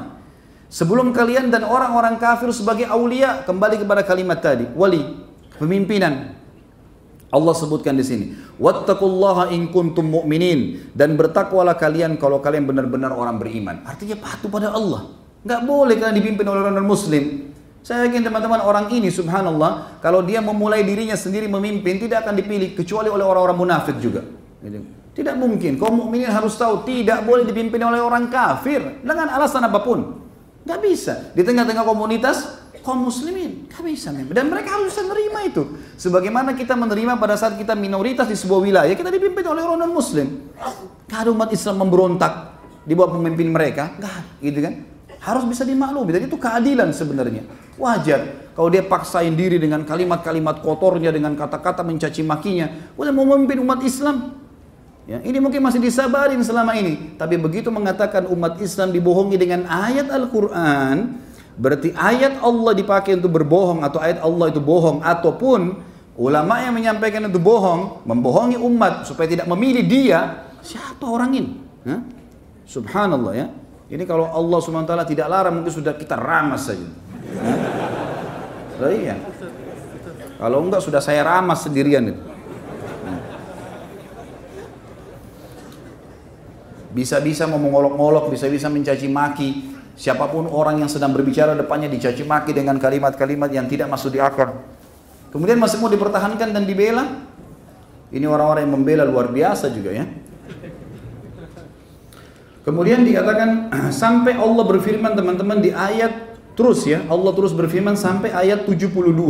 Saya pindahkan kata Allah SWT, kalau ada orang masih meragukan kekafirannya orang-orang yang mengatakan trinitas dan dia menisbatkan diri kalau dia beriman itu di mata dia, di mata kita tidak ada berimannya. Kata Allah, laqad kafara alladziina ini masih lanjutan Al-Maidah, masih Al-Maidah. Ayat 72-nya kata Allah, saya pindahkan tadi dari ayat 59 sampai 72 karena kita mau mengejar waktunya tentunya. Ini kena waktu ya. Maka Allah berfirman, "Laqad kafara alladziina qalu innallaha wal masih ibnu Maryam." Telah kafir orang yang mengatakan Isa putra Maryam adalah dia Allah, dia Tuhan. Enggak boleh di, boleh dikatakan oh ada celah benarnya. Salah. Allah itu lam yalid wa lam yulad. Allah itu tidak beranak, tidak diperanakan dan itu kafir dengan kata-kata itu. Tidak bisa dipungkiri itu. Wa qala al-Masih ya bani Israil a'budullaha rabbakum. Allah berfirman dan kekal sampai hari kiamat dan Isa putra Maryam berkata wahai bani Israel, sembahlah Allah satu Tuhanku dan Tuhan kalian. Innahu may yusyrik billahi faqad haramallahu alaihi al-jannata wa ma'wahu an-nar. Sesungguhnya orang-orang yang menyekutukan Allah, maka Allah telah mengharamkan baginya surga dan juga dia akan masuk ke neraka. Wa maril zalimina min ansar dan orang-orang zalim tidak akan mendapatkan petunjuk. Ayat 70 selanjutnya, ayat 73-nya. Laqad kafara alladziina qalu innallaha thalithu thalathah. Ini dua ayat berturut-turut ya. Al-Maidah ayat 72 ayat 3 memastikan kekafirannya orang-orang Nasrani, nggak bisa diragukan. Dan kalau kafir tidak boleh memimpin kaum muslimin mutlak. Kata Allah setelah mengatakan telah kafir orang-orang yang mengatakan Isa putra adalah Allah atau Tuhan, dan yang ke, ayat 73 itu, 73-nya Allah mengatakan laqad kafara alladziina qalu innallaha thalithu thalatha. Telah kafir orang yang mengatakan trinitas, ya. Wa ma Wa ma min ilahin illa ilahun wahid dan tidak ada Tuhan kecuali Tuhan yang satu saja. Wa illam yantahu amma yaqulun kalau mereka tidak mau selesai berhenti dari apa yang mereka ucapkan itu la yamassannal ladina kafaru minhum adzabun alim. Pastilah orang-orang di antara mereka itu akan ditimpakan siksaan oh, dari orang yang kafir itu adalah siksaan yang pedih. Kemudian Allah Subhanahu wa taala juga mengatakan afala yatubuna ilallah. Tidakkah mereka tobat kepada Allah dan tidak mengatakan lagi trinitas itu, tidak lagi membela-bela orang yang salah, wa yastaghfiruna dan bertobat kepada Allah wallahu ghafurur rahim. Allah bisa memaafkan asal mereka mau. Mal Masih ibnu Maryam illa rasulun qad khalat min qablihi rusul. Ingatlah, Masih putra Maryam adalah rasul sebagaimana telah lewat sebelumnya rasul-rasul. Wa ummuhu siddiqah dan ibunya adalah seorang wanita yang jujur. Karena yakulani ta'am. Mereka itu sama-sama makan makanan, bukan Tuhan. Undur kaifa nubayyinu lahumul ayati thumma undur anna yufakun. Lihatlah bagaimana kami menjelaskan kepada mereka tanda-tanda ayat kami agar mereka bisa berfikir atau bagaimana mereka bisa teralihkan. Itu Al-Maidah ayat 51 sampai tadi 55 kemudian kita atau tadi ayat uh, sampai 59 kemudian kita bahas langkahin sampai 72 sampai 75. Kemudian surah selanjutnya adalah Al-Imran, surah nomor 2 atau 3 ayat 28 dan itu di buku kita ada disebutkan di halaman 157 tentunya. A'udzu billahi minasyaitonir rajim. La yattakhidul mu'minuna al-kafirina awliya'a min dunil mu'minin. Janganlah orang-orang beriman menjadikan orang-orang kafir sebagai pemimpin mereka selain orang-orang beriman. Wa may yaf'al dzalika, siapa yang melakukan itu, yang sengaja memilih non muslim sebagai pimpinan mereka falaisa minallahi fi syai'in illa an tattaqu minhum tuqa tidak ada lagi urusan kalian kecuali kalian harus berlepas diri dari orang-orang itu. Wa yuhadzirukumullahu nafsa wa ilallahil masir. Dan Allah mengingatkan kalian tentang dirinya. Hati-hati adabnya Allah akan datang. Sesungguhnya kalian akan menuju kepada Allah. Kemudian teman-teman sekalian, kita masuk sekarang ke masalah orang-orang munafik. Jadi pelajaran pertama adalah masalah al-wala wal bara.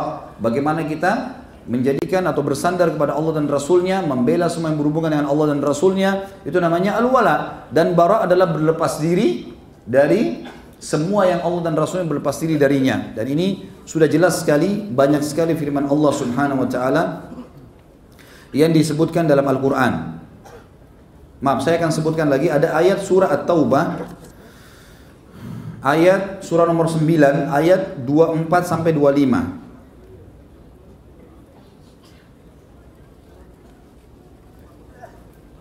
A'udzu billahi minasyaitonir rajim. Ya ayyuhalladzina amanu la tattakhidu aba'akum wa ikhwanakum awliya in istahabbul kufra 'alal iman. Hai orang beriman, jangan kalian menjadikan ayah-ayah kalian, saudara-saudara kalian sebagai pemimpin-pemimpin dan tempat bersandar kalau mereka telah memilih kekufuran daripada keimanan. Wa may yatawallahum minkum faulaika humuz zalimun. Siapa yang menjadikan mereka sebagai pemimpin maka mereka adalah orang-orang yang zalim. Itu ayat 24-nya.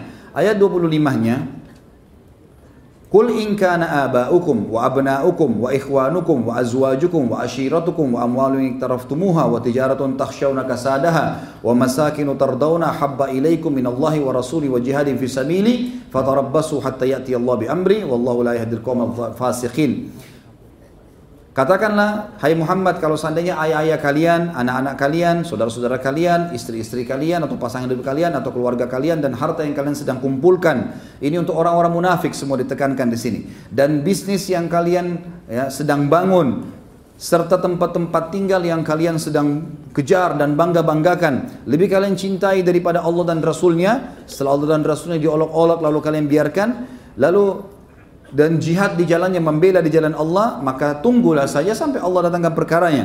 Sesungguhnya Allah tidak akan memberikan petunjuk bagi kaum yang fasik. Kata sebagian ulama tafsir maksudnya Allah akan menghukumnya.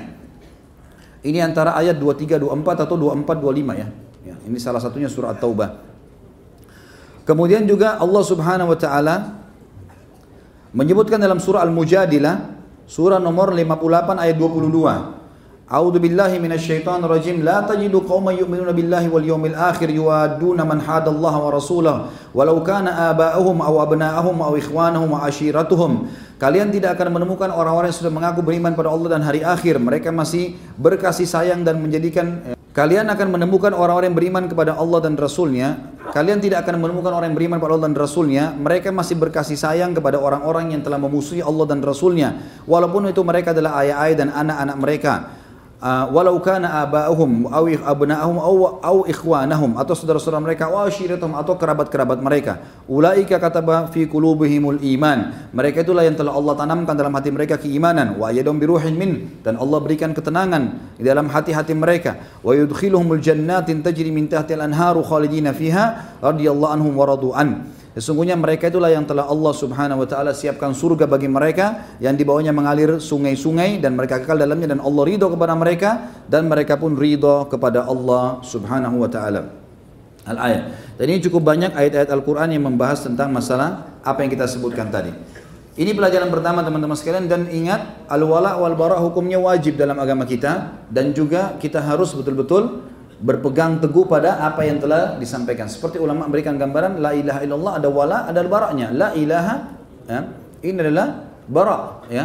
Ini berlepas diri dari semua yang disembah selain Allah. Illallah adalah ini adalah walinya atau kita bergantung kepada Allah SWT. Yang kedua, adanya kelompok munafik. Dan ini sudah disebutkan dalam kisah Al-Julais tadi bin Suwaid. Dan ini juga adalah teman-teman sekalian sudah saya bahasakan tadi orang-orang munafik yang paling banyak memang sengaja membela-bela orang-orang non-muslim ini dalam perilaku-perilaku mereka yang salah. Yang salah ya. Kalau perilaku yang benar tidak ada masalah, tapi kalau perilaku yang salah maka tentu tidak boleh. Sebagaimana Allah Subhanahu wa taala menyebutkan tentang orang-orang munafik banyak sekali dalil-dalil berhubungan dengan masalah ini di antaranya di dalam surah Al-Hasyr surah nomor 59 ayat 11 sampai ayat 13. A'udzu billahi minasyaitonir rajim. Alam tara ila alladziina nafaqu yaquluna li ikhwanihim alladziina kafaru min ahli kitab la in ukhrijtum lanakhrujanna ma'akum wa lanuti'u fiikum ahadan abada wa in qutiltum lanansurannakum wallahu yashhadu innahum lakadzibun. Kalian akan melihat orang-orang yang dalam hatinya ada sifat kemunafikan, membenci Islam Sederhananya munafik itu adalah membenci Islam. Zahirnya namanya muslim, zahirnya adalah orang-orang muslim tapi mereka membenci Islam. Sengaja mencari-cari sesuatu yang mengatakan ini adalah kelemahan Islam. Lalu kenapa kamu muslim? Gitu kan? Tidak usah jadi muslim sekalian. Tapi Allah menyebutkan, mereka berkata kepada teman-teman mereka, bahkan Allah mengatakan di ikhwanihim alladhina kafaru. Pada saudara-saudara mereka yang telah kafir dari ahli kitab. Kalau kalian dikeluarkan, maka kalian juga akan keluar bersama kalian. Kalau dan kalian kami tidak akan membiarkan kalian untuk di, dianiaya. Kalau kalau kalian diperangi maka kami akan memerangi kalian dan Allah memberikan kesaksian kalau orang-orang munafik itu semuanya dusta. Lain ukhriju, kalau seandainya orang-orang kafir itu pun dikeluarkan dan diusir, la yakhrujuna ma'ahum, mereka tidak akan keluar bersamanya. Wala in kutilu la yansurunahum, dan kalau seandainya mereka diperangi mereka tidak akan menolong. Wala in nasaruhum la yuwallunal adbar, kalaupun mereka mencoba untuk membelanya maka mereka berusaha untuk melarikan diri. Thumma la yunsarun dan tidak akan ada yang menolong orang-orang kafir yang telah mengolok-olok agama Allah. La antum asyaddu rahbatan fi suduri min Allah. Sesungguhnya ketahuilah kalian adalah kaum mukminin orang-orang yang paling ditakuti oleh mereka di dalam hati mereka. Dzalika bi annam qaumun la yafqahun. Karena mereka kaum yang tidak berakal atau tidak memahami. Kemudian juga teman-teman sekalian dalam surah Al-Anfal, surah nomor 8 ayat 49, Allah SWT berfirman, A'udzu billahi minasyaitonir rajim, idh yaqulul munafiquna wal ladzina fi qulubihim maradun qarra haula'i dinahum maka akan berkata orang-orang munafik dan dalam hatinya ada penyakit-penyakit nifak ini. Mereka mengatakan, kenapa sih orang-orang Islam itu mau membela agama-agama mereka? Wa may fa innallaha azizun hakim. Ketahuilah siapa yang bertawakal kepada Allah, tetap membela kebenaran agama Allah, maka Allah itu Maha mulia dan Maha bijaksana. Kemudian juga mereka berkata dalam surah Al-Ahzab, Surah nomor 33 ayat 12. A'udzu billahi minasyaitonir rajim. Wa idh yaqulul munafiquna wal ladzina fi qulubihim maradun ma wa'adana Allah wa rasuluhu illa gurura. Sesungguhnya orang-orang munafik berkata dan orang-orang yang dalam hatinya ada sifat kemunafikan ini eh, Allah dan Rasulnya tidak menjanjikan kami kecuali semuanya dusta, nggak benar gitu.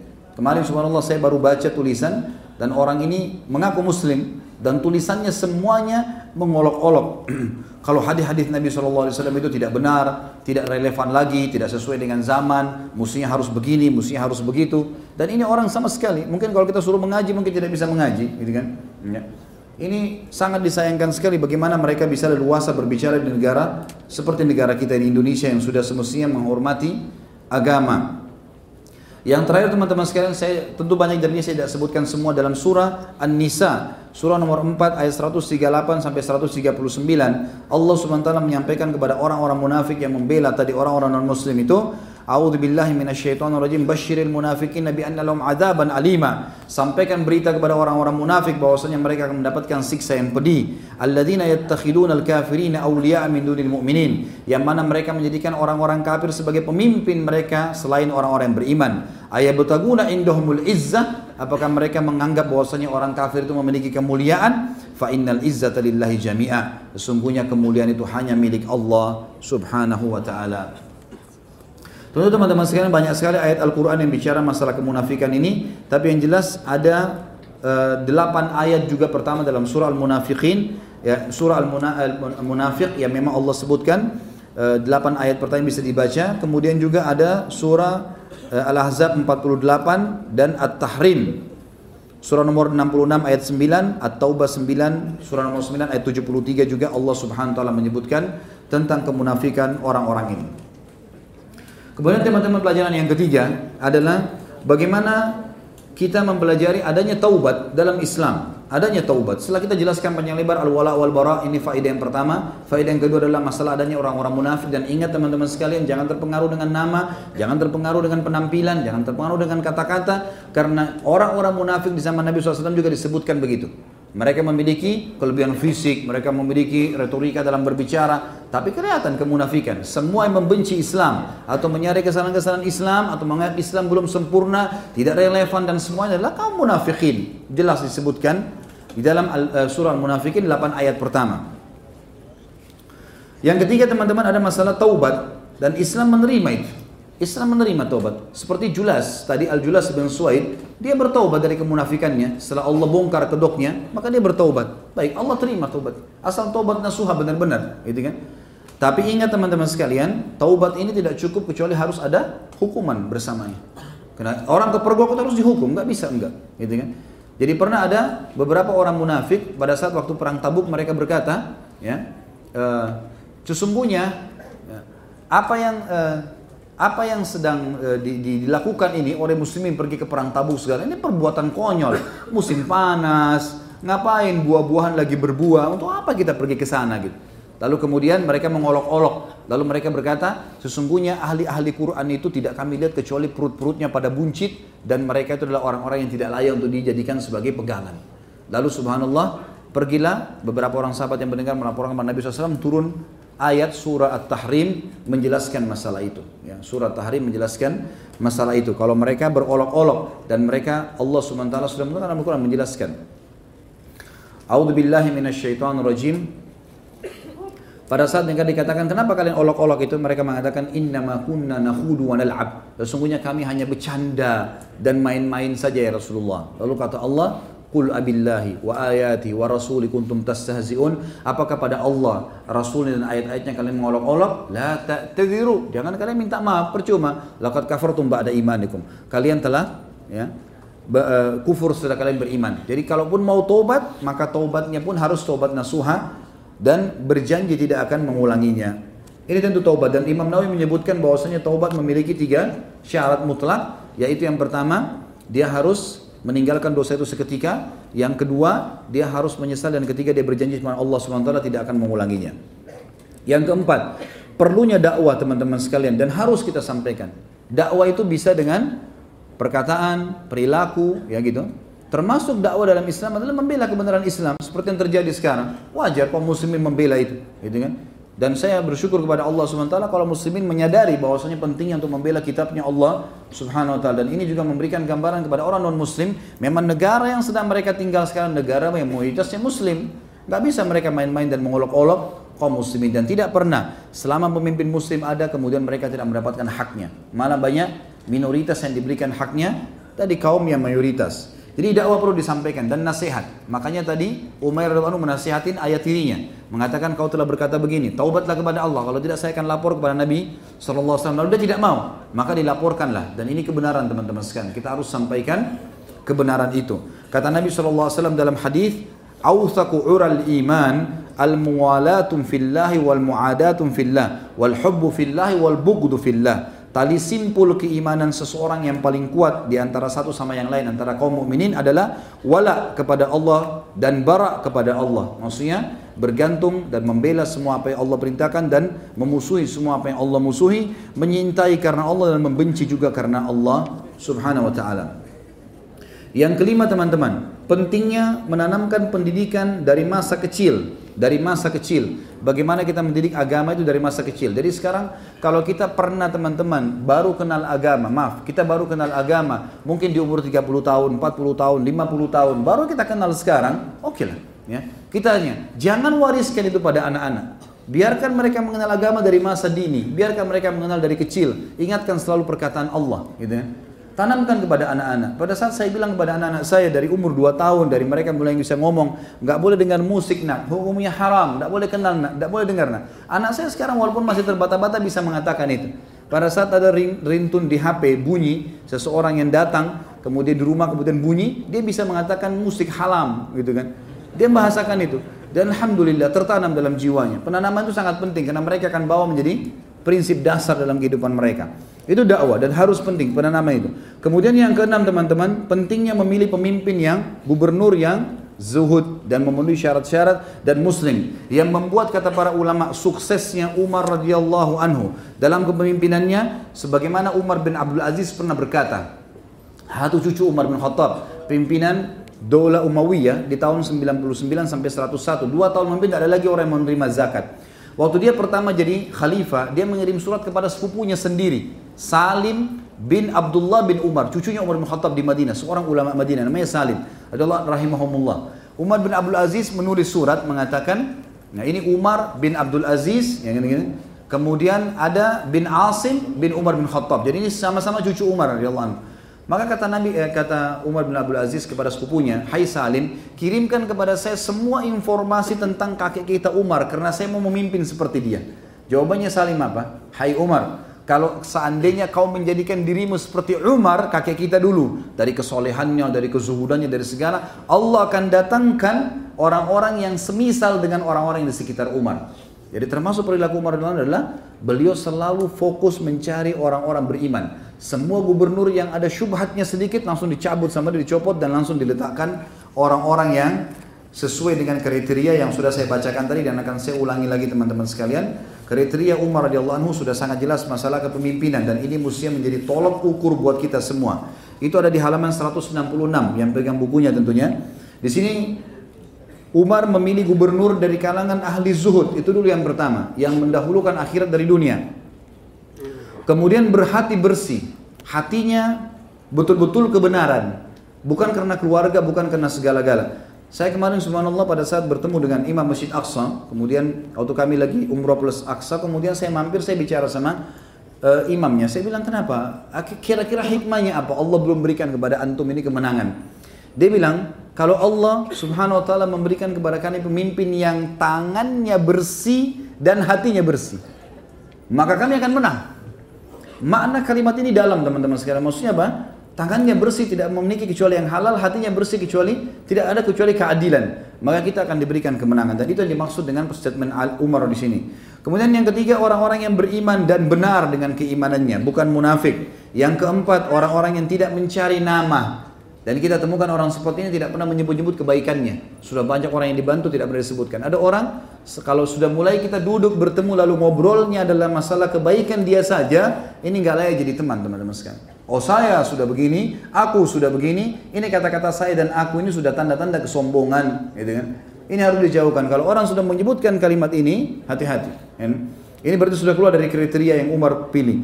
Kemudian yang keempat, Maaf, yang kelima, yang pertama tadi ahli zuhud, yang kedua hatinya bersih, yang ketiga orang beriman dengan benar keimanannya, yang keempat adalah tidak mencari nama, yang kelima orang yang selalu mendirikan sholat malam dan berpuasa. Dan ini tolok ukurnya adalah orang-orang yang selalu ibadah. Kemudian yang keenam adalah menghindari kepemimpinan dan kalau ditawarkan pun dia menghindar. Nanti kalau seandainya dia sudah diikat dengan hukum seperti tadi, Umar memaksa Umair radhiyallahu anhu baru kemudian Umair mau menjalankannya. Yang ketujuh, Pemimpin yang kalau dia berada di tengah-tengah masyarakatnya maka dia melindungi mereka, melindungi mereka. Ya, mohon maaf saya bahasakan ini.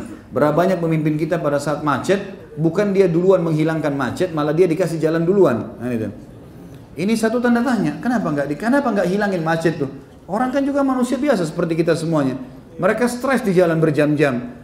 Kenapa justru nggak dicari sumbernya kemudian diperbaikin? Kenapa kita mau jalan duluan untuk sampai di rumah duluan? Karena masalah ya. Mestinya harus bisa diperbaiki masalah ini. Kemudian juga dikatakan oleh Umar, yang kedelapan adalah orang-orang yang selalu terlihat seperti sama dengan masyarakatnya sehingga tidak bisa dibedakan dari sisi penampilan, pakaian, ya tempat tinggal antara dia dengan masyarakatnya. Ini penilaian Umar tentunya.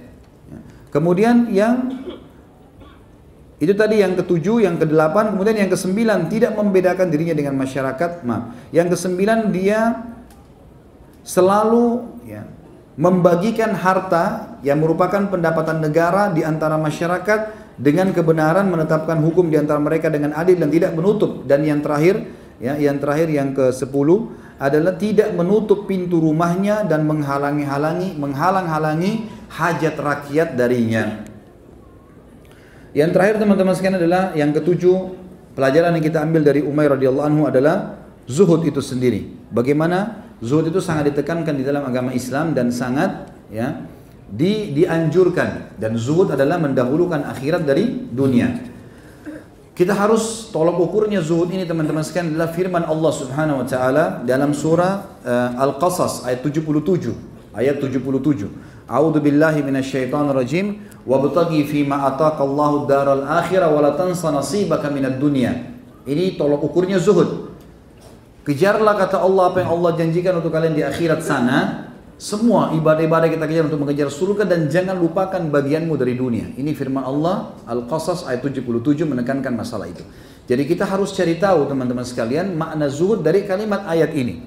Artinya kalau kita lagi dagang, kemudian azan, berhentikan, tutup tokohnya, gitu kan? Kita tutup tokohnya, kemudian kita pergi sholat, dahulukan akhirat dari dunia. Ada transaksi syubhat atau haram, tinggalkan, gitu kan?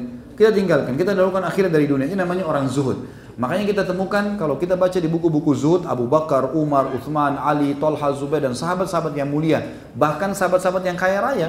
Ini Abu Bakar, Abdurrahman bin Auf, Uthman bin Affan, orang kaya-kaya raya semuanya. Tapi mereka pimpinan-pimpinan orang zuhud. Kenapa? Karena memang orang kaya, uh, orang zuhud adalah termasuk orang yang makan makanan yang enak, orang yang punya pakaian yang bersih dan rapi, orang yang punya kendaraan, tapi mereka tidak berlebih-lebihan.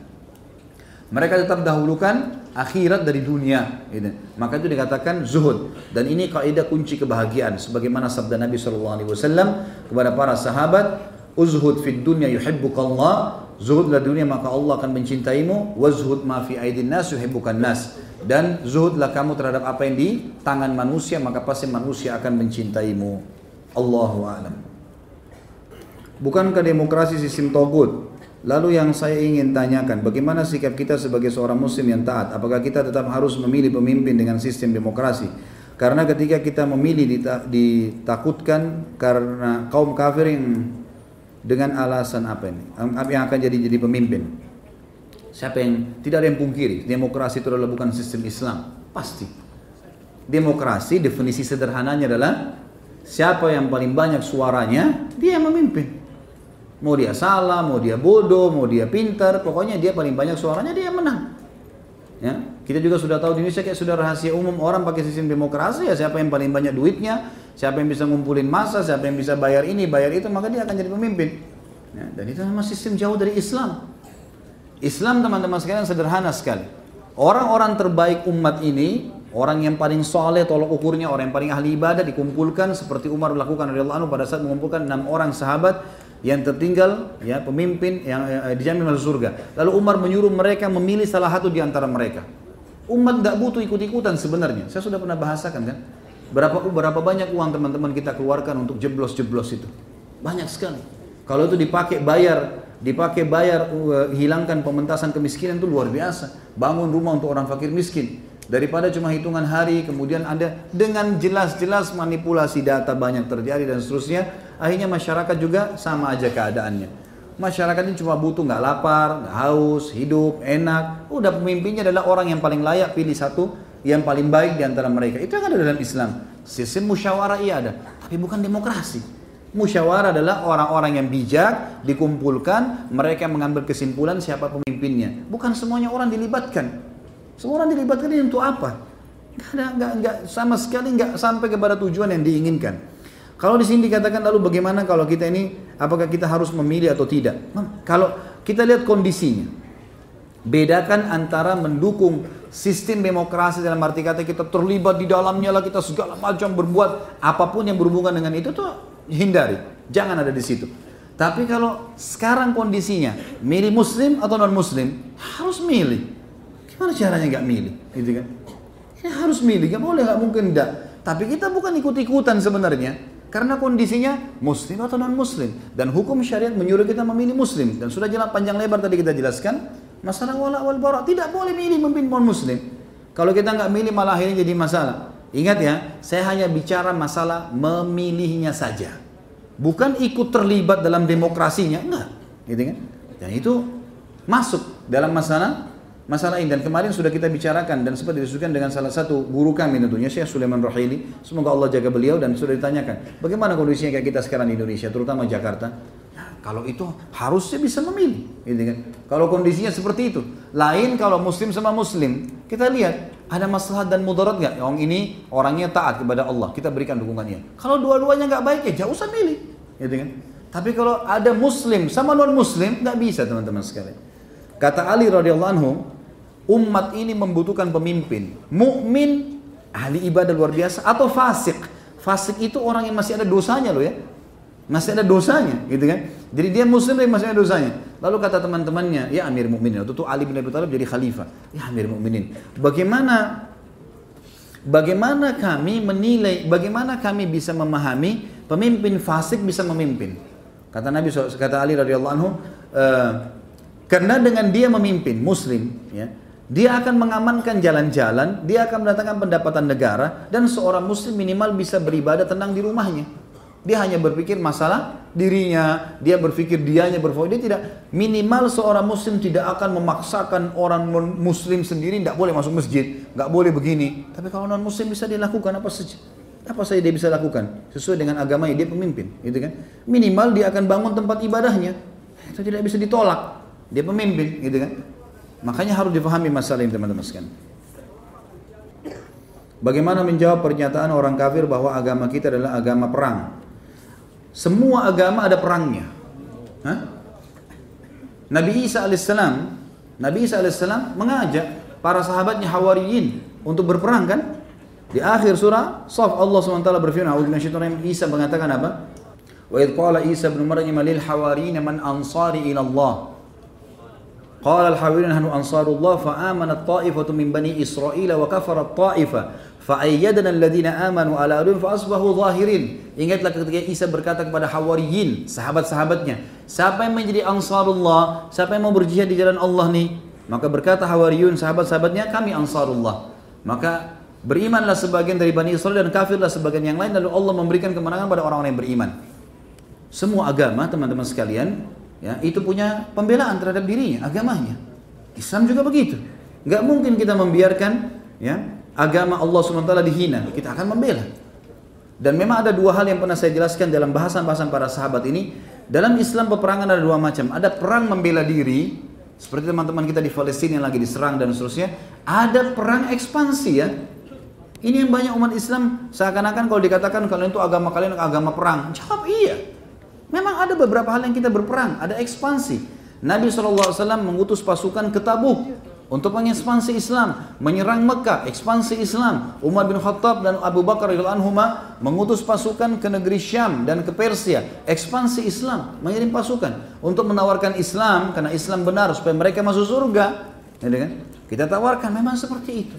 Tapi ada adab-adab kan, tidak boleh bunuh orang tua, nggak boleh bunuh perempuan, nggak boleh bunuh orang menyerah, ya, nggak boleh rusak tempat ibadah, nggak boleh bunuh hewan-hewan, nggak boleh rusak fasilitas umum. Ada perintah oleh Nabi Shallallahu Alaihi Wasallam. Dan juga setelah Islam menguasai wilayah itu firman Allah berlaku la ikraha fid din.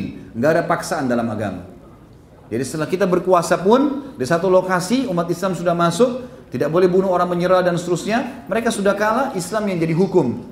Setelah itu mereka dalam agama mereka silakan la ikraha fid din. Tidak ada paksaan dalam agama nggak pernah pemerintah Islam itu masuk menguasai satu lokasi lalu menyuruh semuanya umat umat di situ masuk Islam enggak kita tahu di antara contoh di Turki jelas sekali ada gereja Ayah Sofia yang sekarang menjadi masjid gitu kan. Itu waktu masuk Muhammad bin Fatih mereka tidak sama sekali kaum muslimin punya kekuatan besar masa pada saat itu. 1400 tahun 1453 Masehi pasukan muslimin terkenal jumlahnya sangat banyak sampai seperti bui di lautan yang sangat banyak jumlahnya. Sampai digambarkan dalam buku-buku saya seperti pasir yang hitam ya karena banyak di jumlahnya nggak bisa dihitung lagi jumlah pasukan muslimin. Menang berhasil. Mereka tidak bakar gereja mereka tidak rusak tempat-tempat ibadah. Mereka biarkan orang-orang Nasrani tetap dengan keyakinannya tapi hukum Islam loh yang berlaku di negara itu seperti itu. Tadi jelaskan bahwasanya Umar menolak hadiah atau pemberian seribu dirham seribu dinar ya dari Umar. Saya pernah mendengar hadis bahwa agar saling mencintai agar uh, agar saling mencintai sama umat Islam maka tukar menukar hadiah maka yang lebih baik jika kita di posisi Umair menerima atau menolak hadiah karena dalam kehidupan nyata sering seperti ini. Misalnya kita dapat oleh-oleh, apakah kita boleh menolaknya? Kita harus perhatikan, fahami kisahnya. Umair radhiyallahu anhu mantan gubernur Umar, gitu kan? Berhenti tugas, dia minta berhenti tugas. Lalu Umar mengirimkan dia hadiah. Posisinya seperti itu ya. Beda kondisinya. Kalau antum dikasih oleh-oleh oleh orang tua, oleh kerabat, jauh sekali hukumnya. Ya. Terima saja nggak masalah itu. Beda sekali. Kalau antum mantan gubernur, ha, ngundurin diri seperti Umair, kemudian dikirimkan hadiah oleh presidennya, ini loh, hadiah buat kamu. Oh enggak, saya nggak mau terima. Takutnya nanti dikira saya sengaja menerima gara-gara itu. Itu Umair, begitulah, gitu kan? Jadi bukan ada hubungannya sama sekali. Jadi sekarang saling memberikan hadiah silahkan, gitu kan? Karena kata Nabi SAW, tahadu tahabu, saling memberikan hadiah kalian akan saling mencintai. Ya, beda di sini posisinya. Bukankah Allah telah memberikan kita petunjuk menghadapi pelecehan agama dalam surah Nisa 140? Allah tidak suruh kita demo, Allah menyuruh kita berpaling dari mereka. E, negara kita nggak ada hukum had atau harus bagaimana. Allah Subhanahu wa taala menyuruh kita dalam banyak ayat Al-Qur'an gitu kan. Di antaranya ya ayat yang berbunyi A'udzubillahi minasyaitonir fa in aqabtum fa'aqibu bimithli ma uqibtum bihi. Kalau kalian diperlakukan dengan perbuatan yang tidak baik, maka balaslah perbuatan itu seperti perilaku mereka. Sekarang orang ini mengolok-olok agama kita. Dia sedang memimpin di wilayah mayoritas muslim. Gak bisa dibiarkan memang. Gitu kan? Bukan cuma sudahlah dia sudah minta maaf tinggalin aja nggak bisa nggak boleh jadi gubernur lagi titik selesai gitu kan urusannya itu. Itu sudah nggak bisa lagi jadi pemimpin. Memang jangankan dia sudah mengolok-olok Al-Maidah 51 sebelum diolok-olok saja nggak boleh jadi pemimpin. Apalagi tambah dengan masalah itu. Sudah nggak bisa nggak layak ikut dalam pemilihan nanti. Udah nggak bisa dipilih ini. Dan harus pemerintah mengambil keputusan. Kalau enggak ini dia mau lawan ombak umat Islam bagaimana caranya? Nggak bakal diam tentunya orang-orang Islam. Dan ini kuasa Allah Subhanahu wa taala. Allah yang menggerakkan mereka. Gitu kan jadi ini tidak mestinya harus difahamin masalah ini gitu kan Bagaimana sikap kita kepada kaum Islam yang munafik yang mati-matian membela orang kafir dan menjadi pemimpin? Apakah ada hukum syar'i untuk orang munafik seperti itu? Tentu saja kalau kita lihat perilaku Nabi Shallallahu Alaihi Wasallam adalah mereka dipermalukan, disebutkan kesalahan-kesalahan mereka, dipermalukan gitu kan? Dan kita tuntut pemerintah kita untuk menghukum orang-orang seperti ini ya, mengaku-ngaku muslim tapi mengolok-olok. Pokoknya orang muslim pun kalau dia mengolok-olok Islam, termasuk perkataan mengatakan Islam tidak relevan lagi, nggak masuk di akal hadis Nabi itu yang berbunyi begini dan begitu. Ayat ini kayaknya sudah tidak cocok lagi sekarang. Oh maknanya bukan itu dan seterusnya. Padahal dia bukan sama sekali ahlinya. Ya, ini semua adalah orang-orang yang harus dihukum, nggak bisa. Pemerintah setempat tentunya. Kalau secara individu tidak ada hukuman, ya, secara individu tidak ada hukuman di sini. Karena Umar bin Khattab pernah menghukum orang-orang munafik, tapi Nabi SAW melarang. Nabi SAW melarang gitu kan. Apakah benar pada kehalifan Harun Rashid pada Bani Abbasiyah mengangkat gubernur kafir padahal kita tahu pada zaman itu banyak ulama yang faham Al-Maidah 51. Itu sebagian, ada sebagian buku menyebutkan kalau salah satu gubernur yang pernah diangkat kafir, itu pun di wilayah mayoritas kafir. Bukan di wilayah mayoritas muslim, gitu kan? Dan ini teman-teman, kalaupun kita ini pahami satu hal ya, di mayoritas non muslim, maka diangkatlah mereka itu, gitu kan? Orang-orang ini supaya menaungi mereka. Tapi sudah di situ peraturan umat Islam, cuma pemimpinnya saja. Tapi tidak pernah Harun Rashid menjadikan dia pemimpin di wilayah muslim. Enggak pernah. Maksudnya di, di, di masyarakatnya mayoritas muslim. Juga dari sisi lain Umar bin Khattab anu pernah meminta surat dari Abu Musa al-Ash'ari. Hai Abu Musa datangkan laporan keuangan. Abu Musa menjadi gubernur pada saat itu. Datanglah Abu Musa al-Ash'ari membawa seorang sekretarisnya. Kemudian Umar bin Khattab pada saat dibacakan laporannya, rinci sekali. A, B, C, D, tulisan rincian, pengeluaran, masukan. Umar bin Khattab kagum. Sampai Umar bilang sama yang sedang baca sekretarisnya Abu Musa al-Ash'ari, Sebentar kamu iklankan di masjid ya.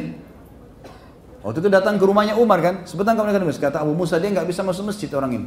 Kata Umar kenapa? Dia lagi junub. Kata Abu Musa tidak. Karena orang junub kan nggak boleh masuk masjid kan gitu. Kenapa Abu Musa kau larang sekretarismu masuk? Saya mau dia iklanin nih.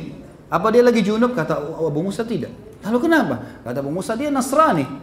Dia Nasrani. Ini riwayatnya jelas. Disebutkan oleh Ibnu Katsir dalam tafsir beliau, gitu kan?